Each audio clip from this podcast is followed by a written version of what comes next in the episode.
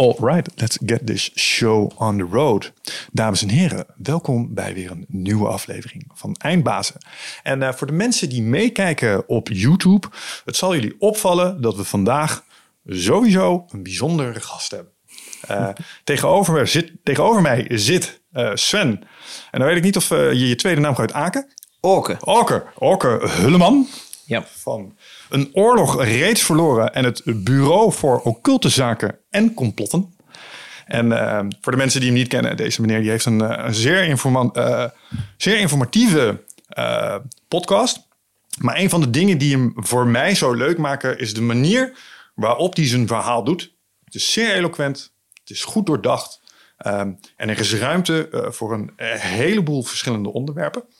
Dus ik dacht, laten we deze meneer eens naar de studio halen. Om gezamenlijk eens uh, die wereld uh, in te duiken. En te kijken wat we daar aan uh, pareltjes kunnen ontaarden. Dus allereerst, Sven, welkom bij ons in de podcast. Dankjewel, Michel. Ik vind het een eer om gevraagd te worden. Want als ik zie wat jullie allemaal gemaakt hebben, dan zit er hard werk in. En je hebt mensen die hebben ergens een talent voor. En als ze dat combineren met hard werken, dan wordt het iets bijzonders. Dat zie je bijvoorbeeld bij de topsport. En jullie hebben wel eens topsporters hier zitten. Zeker, ja. Dat vinden jullie interessant. Jullie kiezen mensen uit die that go the extra mile. En als ik dan uh, gevraagd word om te, om te mogen komen zitten, dan denk ik van oeh, zo zie ik mezelf namelijk nog niet. Hmm. Uh, dat is in ieder geval wel datgene wat ik nastreef. Om het leven in zijn volledige volheid tot me te nemen. Ja. Ik ben enorm hongerig. En ik kom helaas iedere keer tot de conclusie dat Socrates gelijk uh, had. Van hoe meer je weet, hoe minder je weet. Mm -hmm. En, en dan is het heel erg um, aanmatigend soms dat je jezelf de vrijheid geeft om daar al wel alvast over te gaan praten. Terwijl je eigenlijk nog meer studie nodig hebt. Ja. Maar je moet ook weer uitkijken dat je niet een leven lang aan het studeren bent en dan vervolgens vergeet te leven. Ferris Bueller. Dus ken je die film uh, uh, toevallig? Ferris Bueller's Day Off. Ja, het kietelt iets. Ik zal hem vast wel een keer gezien hebben. Maar... Het is, het is, ik weet niet hoe, uh, wat jouw leeftijd is. Maakt ook niet zo heel veel uit. Want dit is een film die eigenlijk alle generaties zouden moeten zien. Mm -hmm. En eigenlijk, zoals met zoveel academische opleidingen... zou je de hele studie filosofie kunnen overslaan. Of eigenlijk moeten beginnen met het kijken van de film Ferris Bueller's Day Off. Want hij behandelt eigenlijk de gedachten en de ideeën van de wereldfilosofie van de afgelopen 6000 jaar mm -hmm. in anderhalf uur. En een van de momenten is, dan komt hij onder de douche vandaan, Ferris. En hij, hij, hij spijbelt een dag van school. En dan loopt hij door het beeld heen en dan komt hij terug in het beeld met zijn handdoek op zijn hoofd. Mm -hmm. En dan zegt hij, life moves pretty fast. If you don't stop every once in a while and look around, you might miss it. Mm -hmm. Dus dat is het een beetje. En ik denk dat dat ook het fantastisch is van de opkomst van de podcast. Er wordt nu, en, en ook eigenlijk de opkomst van het internet. Er wordt nu zoveel kennis en informatie aangeboden. Mm -hmm. het, is, het is fantastisch. Het is zo mooi als je dan ziet hoe mensen met hun mobiele telefoons omgaan. Als die niet binnen drie seconden een website met informatie die, waarvoor je vroeger moest je daarvoor een reis maken van drie maanden naar de bibliotheek van Alexandrië en dan hopen dat je dat boek kon vinden. Dat, en als het niet binnen drie seconden er is, dan staan ze met hun vingertjes, hun, hun, hun dikke, ongeduldige, humanoid, walgelijke vingertjes, staan ze te rammen op dat machientje. Hun gederfde privilege te uiten. helemaal, helemaal. Dus, dus de, de ziekte van, van, van die, die hoort bij de zegen van het internet en de mobiele telefoon. Die Ja. ziekte heet ongeduldig entitlement. Ze hebben overal ook meteen recht op. Ja. Hè, van, eh, ik, heb, ik betaal toch eh, eh, 20 euro voor, eh, voor data. Nou wil, ik ook, nou wil ik ook verdorie al die data meteen nu hier. En dat is, helaas is dat ook wel de reden waarom ehm, iets wat ik gevaarlijk vind, namelijk een wereld vol met ehm, eh, voor mensen en hun brein slechte straling. Dat op die manier kun je dit, dat ook heel makkelijk verkopen. Hè? Dus al die zendmasten en al die stralingsvelden waar eh, een gevoelig mens last van heeft. En niet alleen een gevoelig mens, ook de natuur heeft daar last Ja, van. ja, ja, ja. De natuur heeft gewoon last van al die straling. Ehm, maar je kunt het heel makkelijk verkopen, want je kunt zeggen sneller internet. En wie wil er nou geen sneller internet? Iedereen wil, iedereen met zo'n met zo'n met zo'n apparaatje wil sneller internet. Dus dan, dan, dat is de kunst van de verleiding natuurlijk. Dat je laat iets zien wat ze heel graag willen hebben en dan vergeten ze de rest. Het is mollig. Ja, Het is eh, Ja. doen waarvan je weet dat het eigenlijk niet goed is, maar je doet het toch. ja, ja dan zit je. En eh, dan zit je eigenlijk meteen aan de basis en aan de kern van, eh, van de occulte zaken. De, de cultus van Moloch en de cultus van Baal. Die eh, ehm, van de oudsher bekend zijn, maar tegenwoordig kennelijk onbespreekbaar zijn. Je wordt, als je je hierover uitlaat, word je meteen inderdaad als, als complotdenker weggezet. En dat is natuurlijk het lastige, maar dat is van alle tijden. Ja. Want de, de brandstapels van de afgelopen eeuwen smeulen nog na met geniale mensen die de waarheid verkondigden. Zeker. Stonden over het algemeen stond, stond Jan Modaal, hè, die eh, Henk en Ingrid of eh, eh, Farouk en Fatima, die stonden niet. Die stonden niet op de brandstapel. Die, die, die leven gewoon hun leven. En die zijn geen bedreiging voor de powers that be. En zolang daar een beetje belasting over geheven kan worden, dan eh, kunnen de powers that be uitstekend gebruik maken van de aanwezigheid van, eh, van de gemiddelde mens. Maar op het moment dat jij je kop boven het maaiveld uitsteekt en, en, en, en je gaat eens rondkijken, je gaat echt eens rondkijken, ja, dat is niet gewenst. Nee.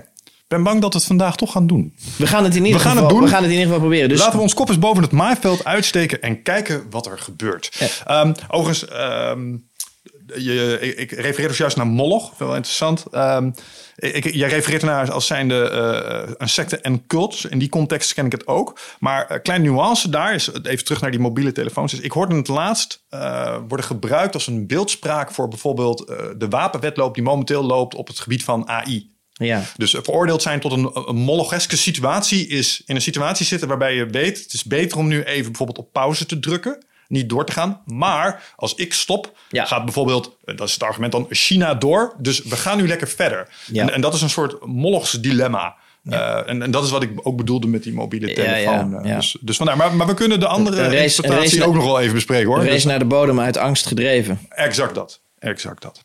Ehm, even terug naar eh, ehm, waar, waar ik het onder andere met je over wilde gaan hebben. Want eh, jij hebt een aantal, ik zei het al, een aantal dingen doe je. Je doet eh, een oorlog reeds verloren en het bureau voor occulte zaken en complotten. En ik zie ook een bepaalde mate van overlap. Dus als je die twee in een Venn-diagram zou zitten, komen een paar dingen in het midden komen eruit.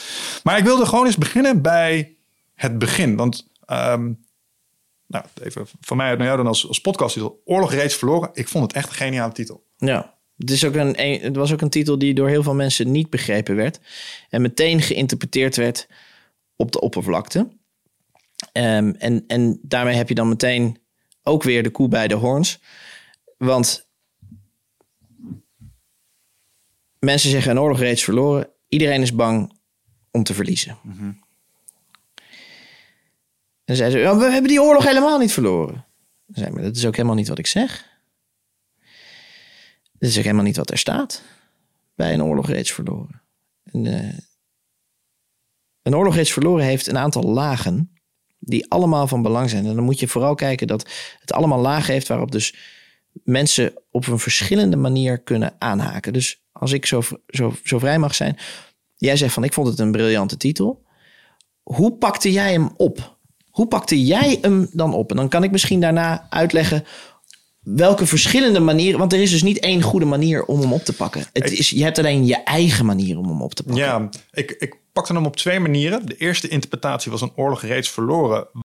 Hey eindbaas en luisteraar, dankjewel dat je zit te luisteren naar deze podcast. Ik onderbreek hem eventjes voor een hele belangrijke boodschap. Of misschien liever gezegd een uitnodiging. Want op 24, 25 en 26 mei, dan is er weer een nieuwe editie van Ride of Passage. Dat is mijn retreat voor persoonlijke ontwikkeling.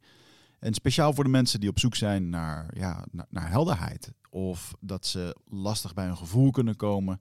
Dat ze moeilijke beslissingen moeten maken. En dat ze zo ontzettend in hun hoofd zitten. Ja, dat ze er eigenlijk gewoon niet meer goed uitkomen. Of dat ze misschien al heel lang in een, ja, een soort van oud gevoel zitten. Dat ze dat gevoel willen transformeren. Of misschien wil je gewoon een oud stuk achter je laten. Ergens een punt achter zetten. En ja, zoek je misschien heling op iets wat, wat je te lang hebt weggeduwd of, of hebt vermeden. Daarvoor wil ik je uitnodigen op 24, 25 en 26 mei om in een retreat mee te doen waar de inhoud van het programma geheim is. Waar de belofte is dat het oncomfortabel wordt. Want jij begrijpt als geen ander dat als je die volgende stap wilt maken, ja, dan zul je uit de comfortzone moeten komen. En ik garandeer je, laat mij dat proces begeleiden met jou voor drie dagen en je leven zal daarna nooit meer hetzelfde zijn. Gemiddeld beoordelen de deelnemers het met een 9,2. En daar ben ik ontzettend trots op. Er is ook een money back guarantee. Heb je de drie dagen vol, volbracht en vind je het niks, krijg je gewoon je geld terug. Dus het enige risico wat er is, is dat je gelukkiger kan worden. Ik zie je Bride of Passage. Ga naar wichertmeerman.nl en klik op Retreat. Was wij, wij, de burgers, eh, bevinden ons in een situatie waarbij de oorlog tegen ons wordt gevoerd. En die zijn we aan het verliezen. Zeker Dus weten. dat is, dat is interpretatie 1. ja. Dus een call to action eigenlijk. Ja, interpretatie 2 was, en daar zat de call to action, een oorlog reeds verloren. Jullie idioten hebben het in je domme hoofd gehaald om het op te nemen tegen wij de mensen. Succes. ja. Nou, dat, dat was de tweede interpretatie die Ja. ik eraan gaf. Ja, nou ja, en daarin zou je dus precies van jongens, Weet je het zeker? weet je, het, weet je het, wat kom je doen dan? Ja, wat wilt ze dan, zouden ze in Deventer ja, zeggen. Ja, dat is het. Dat is, dat is toch.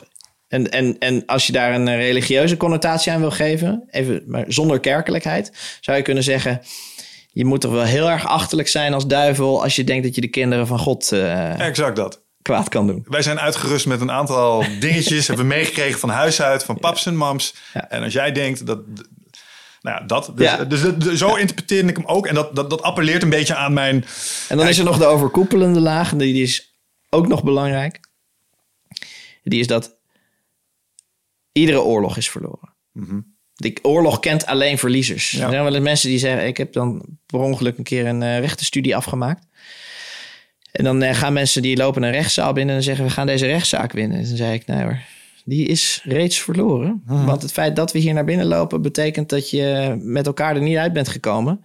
Dus we gaan nu alleen kijken hoe we de schade kunnen beperken. Ja, 100%. Daar zijn geen winnaars. Het is alleen maar schadebeperkend handelen nog vanaf, eh, vanaf dat punt dat je, dat je met elkaar in conflict eh, bent gekomen. En dan eh, datzelfde geldt voor oorlog. Het, het, het Latijnse woord voor oorlog is bellum.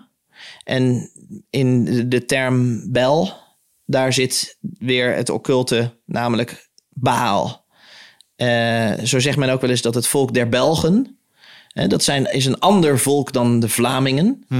Hè, dus je hebt de Vlamingen, maar het land heet België. En men zegt wel eens dat dat de connectie heeft met Bel en Bellum. En als je kijkt naar de afgelopen oorlogen, de Eerste Wereldoorlog, die werd in het land van Bel werd het uitgevoerd, namelijk de Belgische en de Franse Ardennen. Ja. Ehm, en het land van eh eh, Bel, daar in de Tweede Wereldoorlog, is er ook heel veel te doen geweest rondom de Belgische en de Franse Ardennen. En aansluitend de Elzas. En dat zijn kennelijk gebieden waar eh, bepaalde energieën goed kunnen aarden. Ja, ja, dat is wel grappig dat je, het zei, eh, dat je dat zegt. Ik ben toevallig recentelijk eh, in de Eifel geweest. Een van de dingen die daar opvalt zijn alle caltrops tegen de tanks eh, en dat soort dingen. En een van de dingen die me daar ook opviel is... Ja, enerzijds, ik snap het vanuit een strategisch perspectief wel. Zo'n moeilijk gebied lijkt me dat om daar oorlog te voeren. Met al die glooiingen, heuveltjes, dalen en dat soort dingen. En toen... bedacht ik me nog. Maar ja, de- volgens mij is dat ook zo'n beetje eh, de reden waarom het Romeinse Rijk eh, een beetje rondom deze hoogte is opgehouden, zeg maar. Ehm, en, en dat sluit wel aan bij wat je zei, want ook daar eh, was het een soort lijn waar werd gestreden.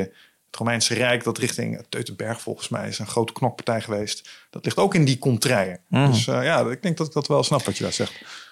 Dan zou je tegenwoordig wel kunnen zien dat een heel groot deel van de aarde dus eigenlijk België geworden is. En als je het zou zeggen... Was dat altijd al niet zo? Als, de, als eh, kijk, de, de oorspronkelijke van tempel Baal, van Baal, die stond in Palmyra in, eh, in Syrië. Of althans, daar stond een belangrijke tempel van Baal, die, eh, die door ISIS ook is vernietigd. En vreemd genoeg, eh, heb ik al eens een keer eerder eh, gemeld, toen die tempel is vernietigd, eh, hebben ze met een 3D-printer hebben ze, hebben ze hem nagebouwd. En toen heeft hij op Times Square en op Trafalgar Square heeft hij gestaan. Boris Johnson is nog persoonlijk verantwoordelijk geweest voor het, het nabouwen van de tempel van Baal in, midden in Londen. Ja, kijk, en, en dit zijn het soort dingen waarvan ik dan denk, Hoe- waarom dan? Ja, en het, het, het argument is natuurlijk, nou, ISIS, dat zijn terroristen. Ja. En die maken een stukje cultureel erfgoed, namelijk een tempel van kindoffers. Die maken Ja, ze kapot. ja, laten we dan die tempel van kindoffers, laten we die... we- Ja, weet je, we noemen dit wel het laatste dossier. Dat we hier, dat we hier dan zo, zo vroeg al mee openen in het gesprek. Ehm, je, kunt, je kunt met de occulte zaken ontkom je niet aan de connectie tussen eh, leven en dood. En wat we heel erg vinden, kennelijk als mensen, is bij de dood van een ander mens. En dat is eigenlijk eh, eh, omdat, stel je voor, je loopt ergens in een steegje in, in, een, in een willekeurige Europese stad. Ehm, en je loopt langs een zwerver. Dan doet dat pijn, omdat je zelf bang bent dat jou zoiets overkomt. Ja. Je, dus je empathie en je altruïsme, die begint altijd vanuit angst dat jou iets overkomt. De tweede gedachte is wat erg voor de ander. Maar de eerste gedachte, en dan kun je nog zo verlicht zijn, die eerste gedachte zal altijd zijn, oeh.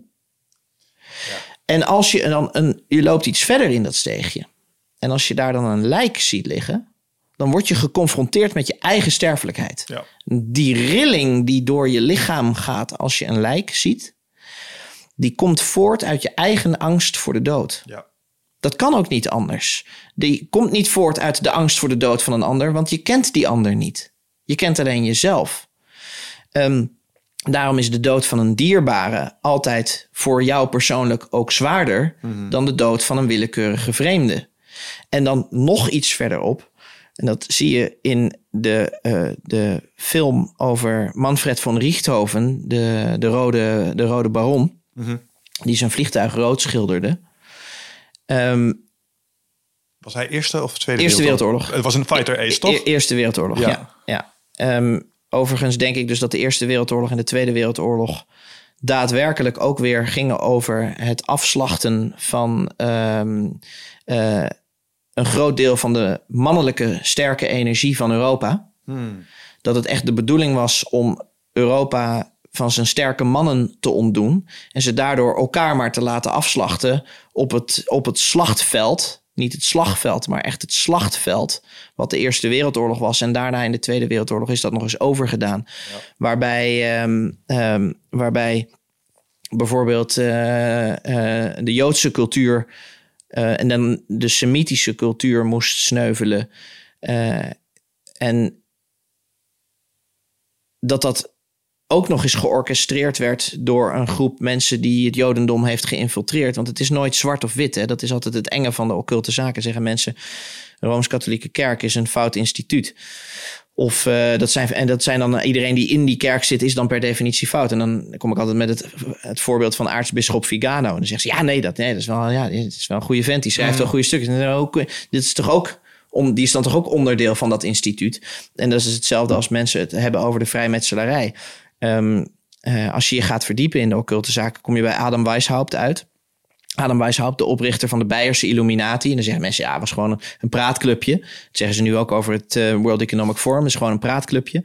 En, ehm, en die Adam Weishaupt, die, die zou dan een beetje een groepje mensen om hem heen eh, verzameld hebben. En ehm, eh, tijdens een vergadering zou daar gezegd zijn... waarom zouden we een eigen ondergronds genootschappen met geheime rituelen eh, oprichten. En met, met, een, met een dubbele agenda, namelijk het, eh, het, het, het dienen van een occulte heerser. Als dat al bestaat, namelijk de vrijmetselarij. Dus, dus de oude vrijmetselarij, die al met mysterie omringd was, omdat het misschien wel een echo was van eh, de kennis die de Tempeliers hadden Mhm, opgedaan. Overigens, veel Tempeliers, hè, dat weten ook niet veel mensen, maar Godefroy de Bouillon is, eh, was, de, was de grote leider eigenlijk van, eh, eh, van de eerste operatie van de Tempeliers richting Jeruzalem. En het oude kasteel van Bouillon ligt eigenlijk op de, Frans van Bel op- de grens van Frankrijk en België. Dat heet La Porte de France, dus de deur tot Frankrijk. Ehm, en dat ligt weer in hetzelfde gebied als waar al die, al die ellende zich heeft afgespeeld. Dus dat bouillon is ook nog wel een, eh, een opmerkelijke plek. Bovendien is het concept om je kruiden te verwarmen op eh eh, bouillontemperatuur. Dat is eigenlijk dezelfde temperatuur als het menselijk lichaam. Dus altijd is de kennis over de mens en de kennis over systemen en de kennis over bouwkunst en de kennis over varen en over vliegen. En dat komt altijd voort uit groepen mensen die een hogere spiritualiteit wisten te bereiken. En als je daarmee bezig bent, dat is ook waarom bijvoorbeeld de Rooms-Katholieke Kerk zegt: bemoeit u zich niet met het occulte. Want daar liggen enorme valkuilen. Dat zie je ook bij, bij mensen die psychedelica gebruiken. Sommige van hen die, die, die gaan een hele duistere weg in. Ja, ja. ja. Dat, dus, dus men gaat er vaak in omdat ze zich willen bevrijden van onwetendheid en pijn. Maar wat je, kan, wat je ten beurt kan vallen, is dat je met een nog diepere onwetendheid en een nog diepere pijn eindigt. Ja. Namelijk dat je je mens zijn verliest en dat je de, je empathie bijvoorbeeld verliest. En dan kom je bij Bohemian Grove, jij noemde het al. Ja, ja, ja. En, en Bohemian Grove, daar doen ze een, creation, of een cremation of care ceremony. Dus they don't care anymore. Daarom zeg ik altijd tegen mensen, be careful. Wees vol van zorg. ja. Je kunt, twee, je kunt twee richtingen op met je spiritualiteit. Je kunt je, je kunt je zeggen, ik wil van het lijden af. Ik wil, ehm, ik wil, ik, ik wil die pijn niet meer voelen. En, en ik ga die weg in. Dat is een gevaarlijke weg. Want daarin kan je heel makkelijk verleid worden. Dat iemand tegen je zegt, kijk, ik heb hier iets. Ik heb hier een, een pil. En dan voel je geen pijn meer. Maar stel die pil werkt uit dan weet je ineens hoe het voelt om geen pijn meer te hebben. Dus dan doet alles veel meer pijn. Ik, de, eh, ik zeg wel eens, eh, gebruikers van bepaalde chemische middelen... die lopen twee dagen later, eh, ze voelen zich helemaal geweldig... en twee dagen later zitten ze zwaar depressief op de bank... of in het ergste geval lopen ze met een touw in een bos op zoek naar een hoge boom. Ja. En dan heb je de weg, de, de weg van bijvoorbeeld, die, die men beschrijft als de, de, de Christusweg, de kruisweg, is dan ga je door het lijden heen. Dan accepteer je al dat lijden en dan zeg je nou, ik, laat u het maar, maar allemaal zien, laat u maar alle pijn maar zien die ik kan voelen in mijn lichaam. Hè, het is Christus die met die zweep krijgt. Eh, het is door Mel Gibson verfilmd. Dat heeft hij geweldig gedaan. Echt, Het is moeilijk om naar te kijken, man. dat doet... Dat, Echt pittig om naar als te je, kijken. ja. je hebt niet eens empathie nodig om die pijn te voelen. Kun je nagaan. Dus, dus ik hoop dat hij daarmee ook een hoop mensen die, eh, die, die moeite hadden om nog iets te voelen heeft eh, bereikt. Want dat ze echt voelden van mijn hemel. Sowieso die hele kruisiging. Ik, heb een, eh, een- ik ben niet gedoopt, maar ik heb wel een katholieke opvoeding gehad. Dus ik heb catechese gehad en kindertheologie. Ja. En ik, ik, het enige wat ik niet mocht was een koekje in de mis. Ja. Daar ben ik nog steeds pissig over. Ja. Ik wilde ook hosten. ze, ze willen, weten, willen weten wat ze in dat koekje stoppen. Ja, nee, ik, snap het. Ik snap het. Ehm, maar, maar dan vertelden ze dus over de lijdensweg van Christus. En eh, ik weet nog dat eh, zelfs als ik eh, nu naar stukjes kijk waar, waar een kruising wordt uitgebeeld of iemand hangt aan het kruis. Oh man, dat zegt. ik weet niet, dat, dat, dat is een. Net zoals een brandstapel vind ik ook zo'n. Het leeft, in, het leeft in, in ons allemaal. In de westerse cultuur is ehm, het beeld. En dan niet eens één man aan het kruis. Hè, maar als je, als je heel diep in je ziel kijkt. En je kijkt echt de verte in. En de diepte in. Dan, ehm, dan zie je dat beeld van die drie kruisen naast elkaar. Ja. En als je dat zou toepassen op jezelf, als dat mag, als ik daarmee eh, de mensen die eh, het lijden van Christus eh, als zijn lijden zien en niet het lijden van de mensheid als geheel. Wat ik, zoals ik het interpreteer, want hij sterft voor onze zonde. Ja. Dus dat betekent dat hij het lijden van alle mensen, dat we dus onszelf mogen herkennen in zijn, eh, in zijn lijden en zijn pijn. Dat hij aan de ene zijde iemand heeft hangen die om vergiffenis vraagt en die ook krijgt. En aan de andere zijde iemand die niet om vergiffenis vraagt en die niet krijgt. Dus als wij als mens, als ziel, als klein, hè, als je naar een klein kind kijkt en je denkt van God wat onschuldig. En als je ziet van nou, dus de- eh, wordt de ziel nou schuldig geboren met de erfzonde of is hij eigenlijk onschuldig? Dat is natuurlijk een, eh, een theologische discussie waar ik geen antwoord op kan geven en ook niet wil geven. Dat is niet mijn plek. Ehm, maar als, als, we, als we het kind of de ziel af- afkomstig van God dan maakt het dus niet uit of je christen bent of wat voor mens dan ook. Maar dat ieder mens, eh, en ieder dier en iedere plant die bezieling heeft. En met sterfelijkheid is gezegend. Dat is een belangrijke. Ja, vraag me af wat ik, daar, of ik, wat ik van die uitspraak vind. Is dat een zegen? Ja, Als vraag we- me af dat... Ik denk dat voor eeuwig leven ook niet alles is. Als we, Wat was die blik? Wat, wat bedoelde je daarmee? als we, als we, als we ons. Kijk, ik, ik sprak laatst eh, Steve van Herrewegen. En die zei: Ik weet mij een onsterfelijk wezen in een sterfelijk lichaam. En omdat we dat hebben, de zegen van dat sterfelijke lichaam, kunnen we pijn voelen. En pijn is per definitie groei. Ja, oké. Dus, dus als, we, als we een onsterfelijk lichaam hadden en een onsterfelijke ziel. En, en we voelen dus ook geen pijn. Waar zit dan nog de groei? Ja. Dus je zou kunnen zeggen, stel iemand weet de onsterfelijkheid te bereiken, misschien is hij dan uitgegroeid. Hè, dat, dat, zegt, Het gouden ei. dat zegt men dan van, van Christus. Eh, dat, dat, en dan heb je de connotatie tussen het christendom en de alchemie weer, eh, weer te pakken. Ehm, dat Christus transcendeerde en nam zijn lichaam daadwerkelijk mee. Dus zijn onsterfelijke ziel creëerde ook een onsterfelijk lichaam. En eh, dat kon alleen doordat hij door het lijden eh, heen ging. En ehm, eh, misschien aan het kruis de conversatie met God, met zijn vader, heeft kunnen voeren over wat is nu het leven. Ja. En dat, dat God het hem heeft laten zien, het grote geheim.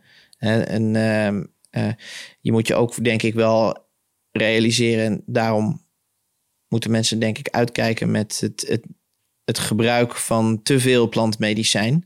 Kijk, de planten worden je wel aangeboden door de natuur. Mhm. Dus dat is goed. Je moet wel uitkijken met de dosering. Dat is het een beetje. Ja. En wie de dosering kent, dat, zijn, dat zouden dan ingewijde priesters eh, zijn. En die kunnen dat niet vrijgeven, want dan wordt ermee gerommeld. En dat zie je, dat zie je ook wel. Dat ermee gerommeld wordt door farmaceutische industrie.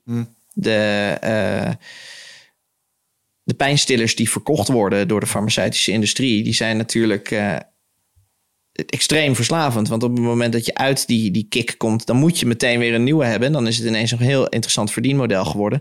En dan zie je weer hoe de duivel eh, te werk gaat. Hij verleidt je. En zegt van, kijk, ik neem die pijn voor je weg. Terwijl God zou genezing aanbieden. De duivel die biedt pijnstilling aan. Symptoombespreiding. Ja, Juist, juist, juist. ja. Fascinerend. Ehm, ik wil heel even backtracken. Want we, we, hebben, eh, ik heb meegeteld, we hebben like vijf tensions gemaakt. We, we, zitten nu op eh, Christus. We hebben het gehad over de Illuminati. We hebben het gehad over de troon van Maal. eh, En dat we die in, eh, hoe heet dat, in Londen aan het nabouwen zijn. En dat brengt me eigenlijk even terug bij die, die oorlog. Hè? We hadden het over de drie niveaus van betekenis van je podcast.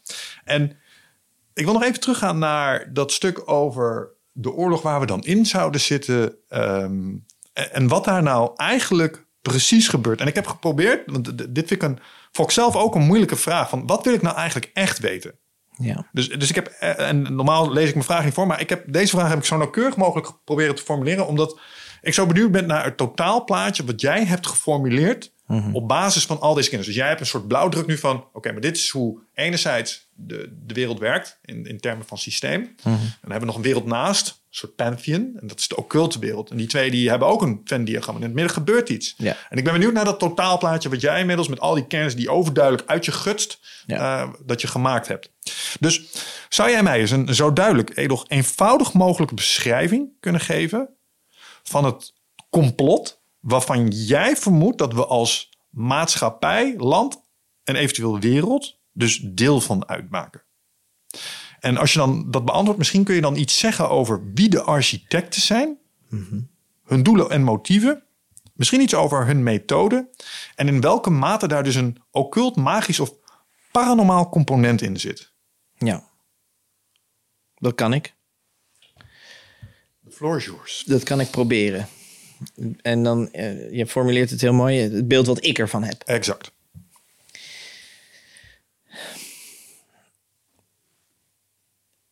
De mens is per definitie in continue staat van oorlog. Met zichzelf, met de ander en met het leven. Als je ochtends wakker wordt, dan hoop je dat je droog bent. Dus eh, eerste levensbehoefte is eh, shelter. De- hè, je hebt hier ook wel survivalists eh, gehad en militairen, die leren dat vrij goed. Ja. En eh, die militairen zijn eigenlijk allemaal militairen in de erfenis van de grote Europese legers die de kruistochten voerden. Dus dat oorlog een spirituele connotatie heeft, dat is in ieder geval al duizend jaar zo. En dan ah, beperk ik me dus tot de recente geschiedenis. Ja, dan, ja, ja. Dan, dan, voor mij zijn de kruistochten zijn een essentieel onderdeel van het kennisniveau wat je nodig hebt om de huidige tijd te begrijpen. Als jij militaire voertuigen ziet rijden, dan zit daar vaak nog een, eh, een zwart kruis in een wit schild achterop. Niet zo heel groot, ongeveer zo. Waarom, waarom staat dat daarop? Dat, dat kruis lijkt verdacht veel op dat van de Teutoonse, de Teutoonse ridders. Die, ehm, en dat zijn dus de Duitse, dat waren de Duitse kruisvaarders. Die naar, eh, naar Jeruzalem gingen. In, in, hè, in, de, in de tijden van de grotere Europese rijken. die samengesteld waren uit allerlei stamverbanden. En vergeet niet dat die stammen die leefden veel meer met de natuur. Hè. Die hadden helemaal geen, eh, geen processed food. Dat bestond helemaal Nee. niet. Die hadden, die hadden eten. Ja. Dat hebben wij niet meer. We hebben geen eten. Dus de mens toen was een veel krachtiger mens. En als jij in aanraking komt met de magie van het, het begrijpen van planten en de geneeskracht van planten. En je komt in aanraking met de kracht van het dier. Met wie je kan samenwerken. Bijvoorbeeld het paard. Of de os. Of het varken. En je komt in aanraking met het eten van het vlees van zo'n dier. Als je dat op de juiste... Daarom wordt er nog steeds ritueel geslacht binnen geloven.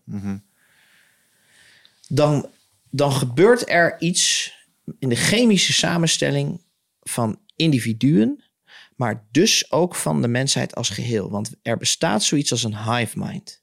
Ja. En Tolkien in zijn boek De Ban van de Ring laat zien dat die kennis aan zich en die macht aan zich, die zijn neutraal.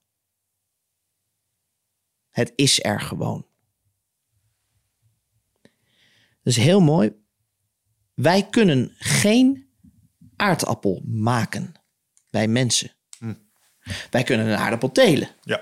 We kunnen hem op een bepaalde manier mest geven. We kunnen hem in een bepaalde grond zetten. We kunnen hem een bepaald zonlicht geven. We kunnen hem in een kast. Maar we hebben hem niet gemaakt.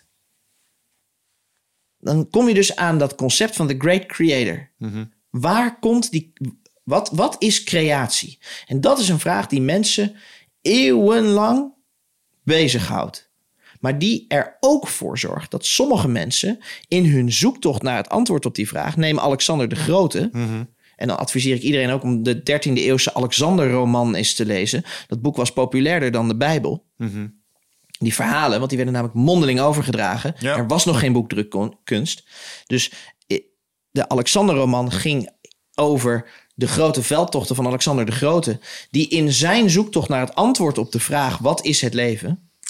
besloot om legers samen te stellen en naar het einde van de wereld te reizen om die vragen te beantwoorden. Want hij dacht dat het antwoord op die vraag buiten hemzelf lag.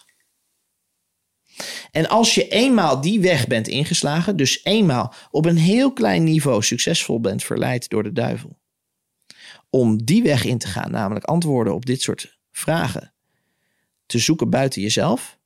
Sommige mensen daarvan draven daar een beetje in door. Zoals bijvoorbeeld eh, Napoleon, die dan ook weer onderdeel was van een vrijmetselaarsloge in Marseille. Misschien een duistere loge, misschien niet. Maar die brengen dan legers op de been en die gaan soms juist ook kennis die er is, die er is bijvoorbeeld om genezing te brengen, dat moet dan kapot gemaakt worden. Dus ik zie wel degelijk een sublimatie van duistere krachten die alles wat mooi en heilig is kapot willen maken. Dus als we dan kijken naar de oorlog waarin wij op dit moment ons voelen te zijn, Ja. Dan is dat een oorlog als je heel veel heiligheid in vorige oorlogen al kapot hebt gemaakt. Als dat allemaal al weg is. Als je de, als je de, de mannelijke kracht al voor 90% hebt gebroken. Als je de vrouwelijke kracht al voor 90% hebt gebroken. Als je de voedselindustrie al tot je hebt genomen. Als je het drinkwater al hebt vervuild. Als je de luchten al hebt vervuild. Als je de mens de toegang tot zijn, tot zijn geboorterecht, een stukje grond waarover die vrij kan lopen, wat hij mag bewerken, wat hij mag. Daarom, nu die aanval op de boeren is een onderdeel van het, van het, het, het vernietigen van de laatste gewortelde stand. De adel is kapot, de geestelijkheid is kapot, succesvol geïnfiltreerd, tot duistere wezens gemaakt. Maar dit is al duizend jaar gaande. Dus de, het hoofd van onze, eh, de Europese Unie, Ursula von der Leyen, is getrouwd met een nazaat uit een oude adellijke familie. Maar die adellijke families, als je dan gaat kijken naar het jaar 1760, toen waren er in Nederland onder een groep die heette de Sabbatean Frankists. Die hadden hele duistere plannen. Hun motto is redemption through sin. Verlossing door zonde. Die hadden als gedachtegoed dat de aarde in complete duisternis gehuld moest worden. om ons te verlossen van onze zonde. Niet in het licht, maar in de duisternis moesten we gehuld worden. En zij hadden 50.000 leden in Europa. En dit waren allemaal vooraanstaande mensen. Dit was 1760, voor de revolutie, voor de Franse revolutie, voor de Amerikaanse revolutie. Een tijd van, van de hele wereld overgaan. Ook weer veroveringen, imperialisme, dat was allemaal gaande. Als je? En ik, neem je, ik, leg, een aantal puzzelstukjes op tafel, zodat je straks dat hele beeld kan vormen over hoe ik er dan over denk. Ja. Als je nou langzamerhand steeds meer duisternis op allerlei plekken krijgt. Dus kerken die bedoeld waren om mensen te genezen. De kerken hielden zich bezig. Alle ziekenhuizen zijn, zijn, zijn vernoemd naar katholieke heiligen. Tegenwoordig worden mensen daar vergiftigd in die ziekenhuizen. Maar was dat ook altijd de insteek? Was dat de insteek? Hè, verzorg, eh, verzorg de zieken en eh, voed de, de, de hongerigen. Ik, ik, ik, ik keek je podcast van twee dagen geleden. Daar zat een man die zei... Ik werd medic. Ik, werd, ik wilde bij, de, bij het Korps Commando troepen. En ik werd medic. Ja, dat, dat, dat, als je dat ziet, dat, de, de, de samenspel van de medische wetenschap tijdens oorlogen. Want daar waar. hè, En, en dan loopt er naast de medic liep ook nog een priester. Dus kennelijk is het spirituele deel met het lichamelijke deel ook nog eens verbonden. En als we dat voelen. En als je dan bijvoorbeeld Rudolf Steiner leest, die, die, die dus zegt. We hadden een heilige. We hadden, een drie-eenheid van lichaam, geest en ziel. Dat, tegenwoordig denken we, we hebben lichaam en geest. Of we zeggen lichaam en ziel. We hebben er al een twee-eenheid van gemaakt. We zijn er kennelijk al één kwijtgeraakt. En we weten al eigenlijk niet meer... We zijn al in de war gebracht. In verwarring gebracht. En dat is wat de duivel, der teufel, de twijfel brengt. Twijfel is des duivels. Dus dat betekent dat iedereen zegt: ja, maar het is goed om te twijfelen aan alles. Wat? Nee, ho, wacht even. Het is heel goed om dingen te blijven bevragen. Want wat zie ik nou? Maar vergeet niet dat in die twijfel zit hè, een, een, een gereformeerd gelovige. Die zal zeggen: geloof is een vast en zeker weten. Ja. Gaan wij naar wat er dan nu om ons heen zich afspeelt, dan is dat de voortzetting van iets wat sinds de Tempeliers en sinds een hele periode van feodalisme en daarna een periode van de Franse Revolutie. Napoleon, iedereen zegt ja, liberté, fraternité, égalité. Hij slachtte miljarden mensen af, of miljoenen. Hij trok, hij, eh, hij trok met zijn legers op een pad der verwoesting. Hij heeft de, de obelisk van de grote piramide in Egypte heeft hij meegenomen. Die heeft hij midden in Parijs neergezet. Als het, als het ergens occult wordt, dan is het toch wel bij Napoleon, zou je zeggen. Als jij, moet je eens kijken, het Place de la Concorde. Het heet niet voor niets de la Concorde. Het Place de la Concorde. Corde betekent hart. Komt van het, van het, van het woord cor, hart. Concorde is een samentrekking van het hart. En als je dan kijkt hoe, waar de obelisk staat op de Place de la Concorde en je trekt een rechte lijn, dan kom je in een kerk die gebouwd is als een Romeinse tempel en die is gewijd aan Maria Magdalena. Terwijl ze waren bezig om de, Napoleon bezig om de kerkelijkheid af te schaffen. Hoe kan dat dan? Daar is dus kennelijk een soort overnamecultuur van datgene wat bedoeld was om de mens te dienen, naar een wereld die gebouwd is om de mens tot dienaar en slaaf te maken. Dus het is een spirituele oorlog. Omdat als je de mens bijvoorbeeld middels belasting, als je zijn lichaam maar genoeg uitput, dan heeft, dan, en hij valt s'avonds uitgeput neer, dan heeft die ziel het heel moeilijk om te balanceren met dat lichaam. Dus het is een, de oorlog waarin wij nu zitten, is omdat de oorlog op het lichaam vrijwel compleet geslaagd is. Nu kan de laatste oorlog beginnen, die tegen de menselijke godgegeven ziel. De meeste, de meeste Ja. mensen geloven al niet eens meer dat ze een ziel hebben. Die, die denken dat deze oorlog gaat over... Ja, maar ze, ze, you will own nothing. Ze, ze willen mijn spullen afpakken. You will have no privacy. Oh, oh ik, ik, heb, ik mag geen geheimen meer hebben. Nou, in China worden mensen die geloven in God... die worden in heropvoedingskampen gestuurd. De Oeigoeren, waarvan wij hier schande spreken... die, wachten het, die, die, die hebben hetzelfde lot als de katholieken in China. Dus je, je bent daar een instrument van, van, van de willekeur. En daar heel misschien, eh, voor mij geen twijfel over mogelijk, zit daaronder eh, de, de eh, ook als je, eh, dan moet je, China is een moeilijk land om te begrijpen vanuit de, de 21ste eeuwse visie. Maar dat, dat, dat werd in, het, in de feodale wereld, waren daar de drakenfamilies. De dragon families. En die, die bepaalden in, in China alles. Maar dat weten ook heel weinig mensen, want we kijken allemaal naar.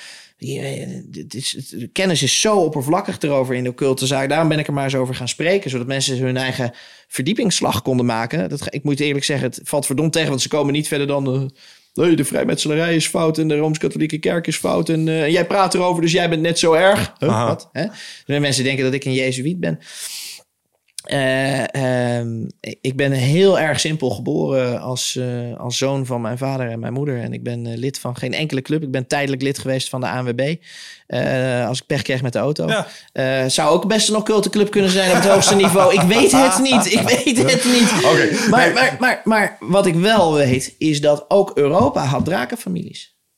Ook Europa had, Ja. in, het, in de feodale wereld. En, en is dan de, de, de link die ik heb met draken... Ik heb hier het gewoon met Jordan Peterson over gehad. Kijk, de, enerzijds, draken is een mythisch wezen... maar het is ook het symbool van de duivel. Ja, Dus, dus waren, is- dit, waren, dit, of, waren dit ver- verlichte families... of waren dit juist Het is- handlangers van? het is ook het, het is ook het symbool van. ehm, ga, ga naar Tolkien, die gouden draak. Geld, welvaart, Ja, hordes. ja. Dus Chinese. ja, maar de draak is ook een, eh, een mythisch wezen die genezing brengt. Als je hem even extrapoleert naar dat, dat deze mensen niet anders zijn dan jij en ik. Dat het gewoon mensen zijn van Mhm. vlees en bloed. Ja. Maar dat zij middels occulte rituelen de draken in zichzelf. En in de sommige geloven is het er één, één draak. In andere geloven zijn het er twee, twee draken. Je ziet eh, de, de genezingsstaf van de Esculaap. En Asclepios was de, eh, de leerling van Hermes Trismegistus. Ja. En dan de derde in lijn, dus je hebt Hermes, dan heb je Asclepios en de derde was Hippocrates. En tegenwoordig leggen artsen, alle artsen leggen de Hippocra- Hippocratische eed af. Dus Ja. die moeten iets met Hermes Trismegistus hebben. Dat zie je ook bij een apotheek, daar staat een gaper. En wat schrijft de dokter altijd voor? Rust. Ja. Je bent moe. Dat zie je ook nu. De grootste ziekte van het moment van nu is omdat die aanval op het lichaam zo succesvol is, je bent moe. Uitputting. Uit je lever is kapot, je hart is kapot, je darmen, je hele lichaam draait overuren over iedereen. En iedereen grijpt om zich heen en zegt: Hoe ga ik detoxen? Hoe ga ik. En, en, en dan kom ik hier bij jou, een prachtige locatie. En, en jullie leven met de natuur, maar je geeft me wel een glas kraanwater. Wil je me soms dood hebben? Dat heb ik wel eens eerder gezegd. Ik heb bij Jorn Luca al eens een keer gezegd van... wil je me soms dood hebben? Dus deze oorlog, die begint al bij het feit... dat als ik dit drink, drink heeft mijn lichaam het er zwaar mee. Dus ik ben moe aan het einde van de dag. En dan, ik moet slapen, ik moet rusten. En ik ben hartstikke bang... Als ik de volgende dag weer wakker word, dan begint verdikken me die oorlog weer opnieuw. Iedereen kent het gevoel van 's ochtends dat hij eruit komt en dat heeft hij twee gevoelens. Namelijk één, nee hè? En de andere is, yeah, let's give him hell. Maar bij dat, dat nee hè begint bij heel veel mensen. Daar, de, de- de jongere generatie, de burn-out ratio is nog nooit zo hoog geweest. De, de suicides, de, de, de- het, het rijst de pan uit. Het, het, dus je ziet die zielen die, die knokken en die knokken en die knokken in een oorlog die al verloren is. Alright. Helder verhaal. En ik kan je eh, voor een belangrijk deel volgen. eh, zonder dat we eh, bij alle manieren waarop, hè, eh, bijvoorbeeld drinkwater, chemtrails, eh, het eh gezondheidsstelsel in Nederland. Ik denk dat, dat dat podcast op zich kunnen zijn waarom dat wel of niet zo zou kunnen zijn. Ja. Kan je allemaal. zit, maar zitten we op detailniveau. We- Nee, vandaag, vandaag vliegen we over. Dit is reconnaissance. We maken geen gedetailleerde kaart. We maken een algemene kaart. En ik stel voor dat we in eh, nadere sessies misschien nog eens wat verder de diepte in gaan. Want ik denk dat we daar genoeg gesprekstof voor hebben. Ja, Dus, eh, dus ik wil even naar, naar die hoog over. Ehm, want, want ik merk, ik, ik vind wel sommige dingen van wat je zegt. Ik, ik weet niet of ik geloof dat het drinkwater echt zo slecht is. Maar ik ben, nogmaals, het is een exercitie in lenigheid voor mij. Dus ik ben bereid om er heel eind in mee te gaan. calciumcarbonaat. Dus, ja, eh, fluoride voor de pineal gland, Nee, daar nee, ken ik ook nee, verhalen calcium, over. calciumcarbonaat. Dus iedereen zegt dat het, de- even heel snel, als we het over het lichaam en, Ja, geest, ja, ja. li- lichaam en geest en ziel hebben, wat de drie eenheid onder andere is. Ehm dus een gezond lichaam, de Olympische gedachte, een gezonde geest in een gezond lichaam. Hartstikke, hartstikke mooi, hartstikke mooi. eh, eh, Pierre de Coubertin. Eh, maar de Olympische Spelen tegenwoordig één, één groot samenspel van occulte eh, ellende. Zie de opening van, eh, van, van 2012, de Olympische Spelen in Londen. Ehm, in het drinkwater zit calciumcarbonaat. En ze zeggen dat calcium is goed voor je botten. Dat klopt. Maar dat calcium, dat haal je niet uit het calciumcarbonaat in je drinkwater. Hmm. Staat ook op alle websites van Vitens en allerlei drinkwaterproducenten. Calcium zit erin, is goed voor je botten. Calciumcarbonaat. Doodsoorzaak nummer 1 van alle mensen. Hart- en vaatziekten. Nog steeds. Hart- en vaatziekten. Ja. Oké, nou, gaan we toch eventjes nog een keertje verder onderzoeken, toch mensen? Nee, nee, want als iedereen bij de koffietafel maar kan zeggen... nou, heb je het nieuws gezien? Ja, hart- en vaatziekten. Ja, hart- en vaatziekten. Hart- en vaatziekten, beste mensen, ontstaan door aderverkalking. Ja, laat me raden. Calciumcarbonaat. Calciumcarbonaat in je drinkwater. Check, double check. En waar zitten de meeste bloedvaten van je lichaam? Je hersenen. In je Oh, hart je hart. En in je hersenen. Juist. En als je die hersenen, al die bloedvaten, als, die, als het er steeds verder verka- al die, al die mentale ziektes, al die oudere mensen die zeggen, ja, ik weet het allemaal niet meer hoor. Die, die degeneratie. Ja, we leven hier voor de regeneratie. Jullie geloven in regeneratie, Michel. Stop dan met calciumcarbonaat in je drinkwater. Ja, Begin daar. duidelijk. Het is, het is, het is compleet, compleet degeneratieve rotzooi. En je moet je voorstellen, je komt nooit een waterzuiveringsbedrijf binnen. Daar mag je als gewone burger niet naar binnen. Want dan zie je namelijk die plastic zakken met, waar niet eens op staat in, in het Nederlands of in het Engels, maar in Chinese tekens. En dat moet met mannen in, in, in gele of witte pakken met, met heel dik rubber. Die mogen dat in, die, in, in dat drinkwater Is dit gieten. echt zo?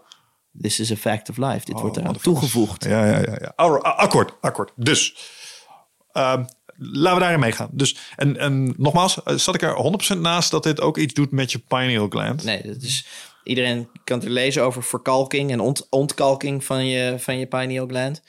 En ehm, eh, je, de, de hele wereld begrijpt hè, de God drug, DMT, ehm, die je van nature zou moeten aanmaken in je pineal gland. En als je die tegengaat, dan zien mensen met hun derde oog gewoon niet meer de dingen die niet te zien zijn. Dus dan kun je niet achter het gordijn kijken. Alleen degene die hem wel schoon en zuiver en helder houden.